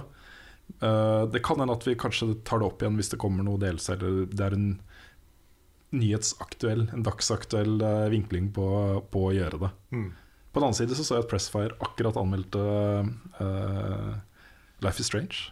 Så kanskje det er mulig. Å, Gjorde det nå? Ja, ja. Det er mulig det er kombinert med en sånn uh, bokslansering, kanskje? Kanskje. Ja, for er det ikke det Ja, skulle til å si at det kommer jo en sånn fysisk Ja, eh, greie av det. Så det er sikkert Sikkert det, ja. derfor. Mm. Det er nok derfor, ja. Men uh, beklager at ikke vi har anmeldt det. Det er jo et spill som vi burde anmeldt. Og hadde det kommet to uker seinere, så hadde vi gjort det. Mm. Men det, er, det kommer jo helt sikkert noe delsett til det, og da blir det jo relevant å ta det opp igjen. Det gjør det. Er du klar for ukens Infor? Jeg er klar. Go. Sinfor. Ukens Sinfor-spørsmål. Hvis dere plutselig en dag våkner opp og finner ut at dere skal samle på retrospill, hvilken konsoll ville dere samlet spill til, og hvorfor? Og hvilket spill er drømmen over alle drømmer å eie i sin egen private samling? Det var litt lenger enn jeg trodde. Ja, og Det er da Trond eh, Borgersen, eh, også kjent som Sin4. Han har lagd noen utrolig kule låter nå, som han har sendt oss link til. og sånt Ja, han har det. ja, Det er musikk jeg har lyst til å bruke i videoer. Ja, Jeg husker sånn- Last of Us-greie av Ah, han. den som var, eh, nice, altså. eh, Veldig, veldig fin. Ja. Så mm. Ikke minst så har Sinfor mange gode spørsmål. Det har han. Yes. Derfor eh, har han sin egen spalte også. Ja. Ikke sant? Um, ja, hvilken konsoll, folkens?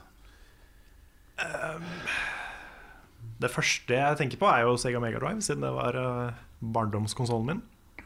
Ville hatt en eh, kanskje ikke komplett, men i hvert fall ganske, ganske eh, heftig Megadrive-samling. Hadde vært kult.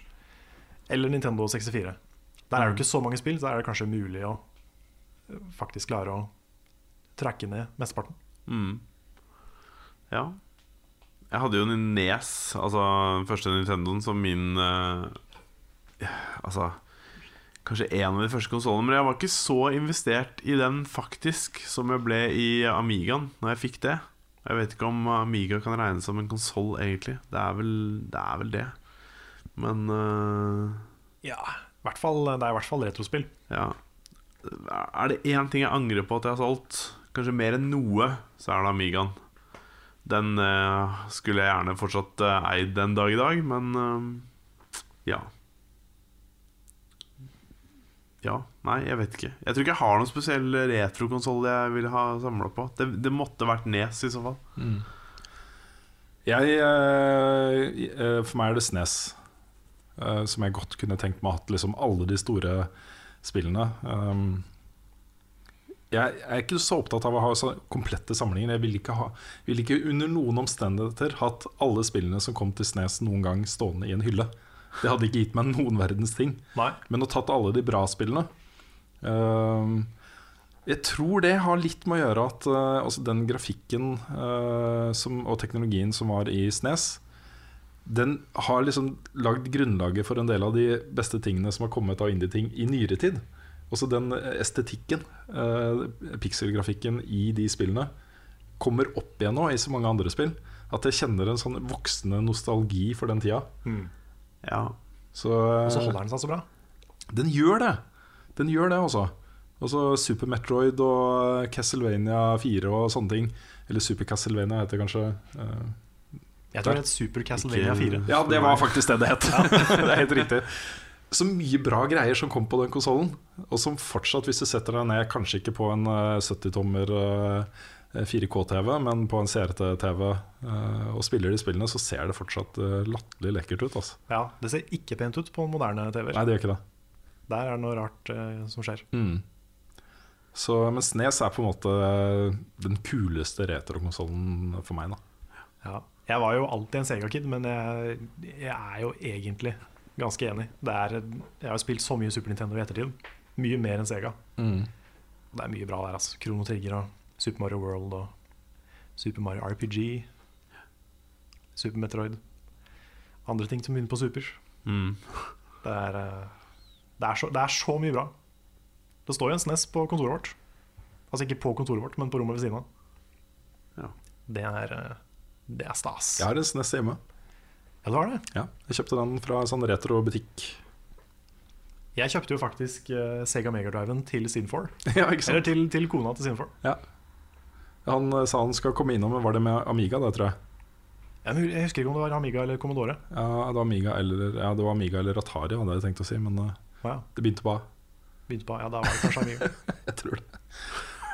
Uh, skal vi ta et siste Amiga, ja. ja, okay. Så Skal vi ta et siste spørsmål, eller? Og så Ja, uh, fare videre i sommer... uh, I vårdagen. ja sommer var optimistisk. Ja, det er litt optimistisk. ikke langt unna. Eh, ja, det er kanskje et dårlig siste spørsmål, men eh, et bra spørsmål allikevel. Okay. Kenneth Fredriksen spør Skal dere se Daredevil sesong 2 på Netflix. Uh, det begynner i dag. Hva syns dere i Level Up om uh, Daredevil? Og jeg har gleda meg nå i ukevis fra de liksom offentliggjorde datoen. Uh, jeg elska sesong 1. Jeg syns den var helt konge. Eh, og har liksom satt ring rundt dagen i dag. For det gleder jeg meg til. Det blir Altså. en merkedag. Ja, det er det. Ja. Jeg har altså digga første sesong. Jeg får besøk av eh, Kristine etterpå, og vi skal eh, mest sannsynlig se mye Daredevil i kveld. Mm. Punisher eh, kommer. Punisher kommer. Yes. Og eh, hva heter det? Elektra, er det det? Ja, det var det kanskje. Ja, Jeg husker ikke. hun også skal vel kanskje være med. Jeg får sette, ned og se, sette meg ned og se sesong én, jeg, da. Eh, Ja, den er kjempebra, Jeg altså. har ikke sett den. Så Det har kommet så mye bra sånn superheltserier Mm. nå. Jessica Jones var kjempebra. Og, Uh, The Flash. Jeg håper det blir noe. Jessica Jones cameo i Daredevil. Det, de eksisterer vel i samme universet, tror jeg. Ja, det har vært cameos den andre veien, Ja, men ikke nettopp. ennå fra Jessica Jones i Daredevil. Mm. Så kanskje? Ja, jeg er jo nå ferdig med sesong to av Arrow, så jeg har sett to sesonger av den ganske radig. Det er én sesong igjen der. Og den sesong tre er jo crossover med Flash. Det er Mm. egentlig crossover hele veien, men eh, det er særlig i sesong tre som det blir eh, skikkelig crossover. mm, Jeg syns det er eh, kjempekult. mm. Da kommer det jo en eh, Flash Supergirl-crossover også. Det gjør det også. Mm. Så kult. Flash og Supergirl? Mm. Yes. Men jeg må jo si at eh, når man ser så mye superheltserier back to back, for jeg har sett alle disse tingene ganske radig i løpet av de siste månedene, Mm. Jeg blir litt irritert på uh, formelen. Fordi sesong én av alle disse seriene er jo ganske like. Uh, du har en sidekick som selvfølgelig dør. Ja. Um, du har det Det er en del sånne elementer som du Ja. må gjennom. Du må ha liksom litt kompliserte familieforhold. Uh, så det begynner det føles, Noe av det føles litt sånn Særlig den derre Ok, hvem av disse personene her skal dø i løpet av sesongen, og så skal du bli veldig lei deg. ja. Det er, eh, jeg blir litt irritert over at ikke man Ja. Så ja. Men, eh, men jeg digger det. Jeg syns det er kjempebra. Jeg syns det er velskrevet og spennende og eh, kult. ja. ja. Jeg har begynt å se litt på den der Supergirl, forresten. Det var det. Den, eh, ja, den syns jeg faktisk er eh, overraskende, overraskende bra. Ja, Altså, jeg liker den, jeg også. Jeg syns ikke den er nødvendigvis sånn historiemessig kjempebra, Nei. men den er bare veldig koselig å se på. Ja. Fordi den har litt den der eh, glade energien Ja. som uh, mange superhelter velger å, Eller mange Ja. superheltserier velger å være litt sånn mørke og gritty. Ja. Men den er helt motsatt. Men jeg syns hun er veldig eh, Hun er veldig fin i den rollen som Supergirl, syns Mm. jeg faktisk. Så Men eh, jeg vet ikke. Jeg har litt sånn tendens til at disse superheltseriene faller litt fra hverandre etter hvert, syns jeg, da. I hvert fall var det sånn med Flash og, og Arrow for min del. Men eh, Jeg likte sesong to av Arrow også. Ikke like godt som første sesong, men jeg likte den nesten like godt. Ja. Men Arrow har jo tatt et grep som jeg syns er dritspennende. mm. Og det er jo at den har to parallelle historier. En som foregår for liksom fem år siden, hvor han eh, eh, ble stranda på den øya. Og sånn, så du følger jo hele historien som har skjedd da de fem årene fram til handlingen i Arrow skjer. Okay, han kommer ja. tilbake til, eh, til eh, Starling City. Eh, så det syns jeg er spennende, da fordi det kommer stadig nye ting som blir avslørt i bakgrunnshistorien hans. Mm. Eh, og det flettes inn i handlingen eh, i nåtid. da Mm. Jeg syns det er kjempekult. Mm. Så, så er det massevis av kule Kule sånne sideting som kommer opp. Suicide Squad f.eks., som jo også blir en egen film nå. Det er kjempetøft. Så Ja, det var den awesome traileren med Bohemian Rhapsody, var det ikke det? jeg har ikke sett traileren, men uh, Uh, den syns jeg faktisk var sånn Det var kult laget, liksom. mm. Så ja. Ja, det var det, var det for i dag. Det var det for i dag. Da Nå, nå har vi snakka litt om Nå er det jo påske neste uke. Vi, eh, vi vet jo ikke helt om vi rekker å lage en podkast neste uke, Fordi i hvert fall torsdag-fredag så er det jo helligdager og, um, og sånt. Mm. Um, det er mange som har spurt oss om vi skal på TG, og det skal vi ikke. Nei. Bjørn skal vel litt. Det er vel bare Bjørn som skal dit. Ja. Så han lager video for oss derfra. Jeg tror han skal gjøre det. Da må han bare komme innom og få kamera. Men eh, Nei, jeg har ikke hørt om Nick skal dit. Jeg vet ikke om dere vet det. Til TG? Mm. Nei. Han skal ikke dit. Nei. Det tviler jeg sterkt på. Det er nok bare Bjørn fra Leverup. Kjenner jeg Nick feil, holdt jeg på å si, så skal han ikke dit. Nei, Ja, men uh, det er jo ikke bare bare det da å ha Bjørn på TG. Det blir bra, det. Det blir kjempebra. Men vi har en kort arbeidsuke neste uke, så spørsmålet er hvor mye vi får gjort. Uh, Ja. Det er jo For eksempel så er det jo barnehagen stengt, så jeg må jo passe barn og sånt neste uke. Så det, det er meg. Mm. Uh, og ikke minst, rett over påske Det blir ikke første uka sannsynligvis, men uh, rett over helgen, ja, så blir det liksom andre rundt 4. april-ish, okay. så kommer vi til å ha vårt første månedsmagasin. Ja, det gjør vi. Det, det blir spennende. Ja, det gjør det. Så der skal vi jo lage litt uh, ja, Vi har ikke helt funnet formen på det ennå. Det blir noe. Det blir et månedsmagasin. Ja, Det kommer til å minne litt om eh, Level Up Classic. Ja, det gjør det. Eh, så, så det er på tapeten, og det kommer jo også en del eh, interessante spill rett over påske. Det gjør det. Mm. Herregud, april. Jeg gleder meg til det. Ja, jeg lurer på neste uke om, det er, eh, om Dirt Rally kommer neste uke allerede, i påsken. Ja. Det er jo noe jeg gleder meg veldig til. Også det er ute på PC, men jeg har lyst til å spille det på konsoll.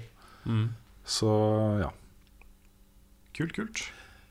Da, da ser vi han neste uke. Vi ser han neste uke. Det blir i hvert fall livestream på onsdag. Det gjør det. Um, vi kommer til å legge ut innslag. Skal vi ha litt sånn ekstra koselig påske-livestream på onsdag? At vi kjøper litt sånn, litt sånn påskeegggodteri og Ja, kanskje vi skal gjøre det? Skal vi gjøre det? Ja, vi gjør det. Ja. Kanskje påskekaninen kan komme på besøk? Kanskje det. Ja, Er det? Påskekaninen. Ja. Er det, er det, Påskeharen, mener Ja. jeg. er det godteri som definerer hvor koselig det kommer til å bli, eller? ja.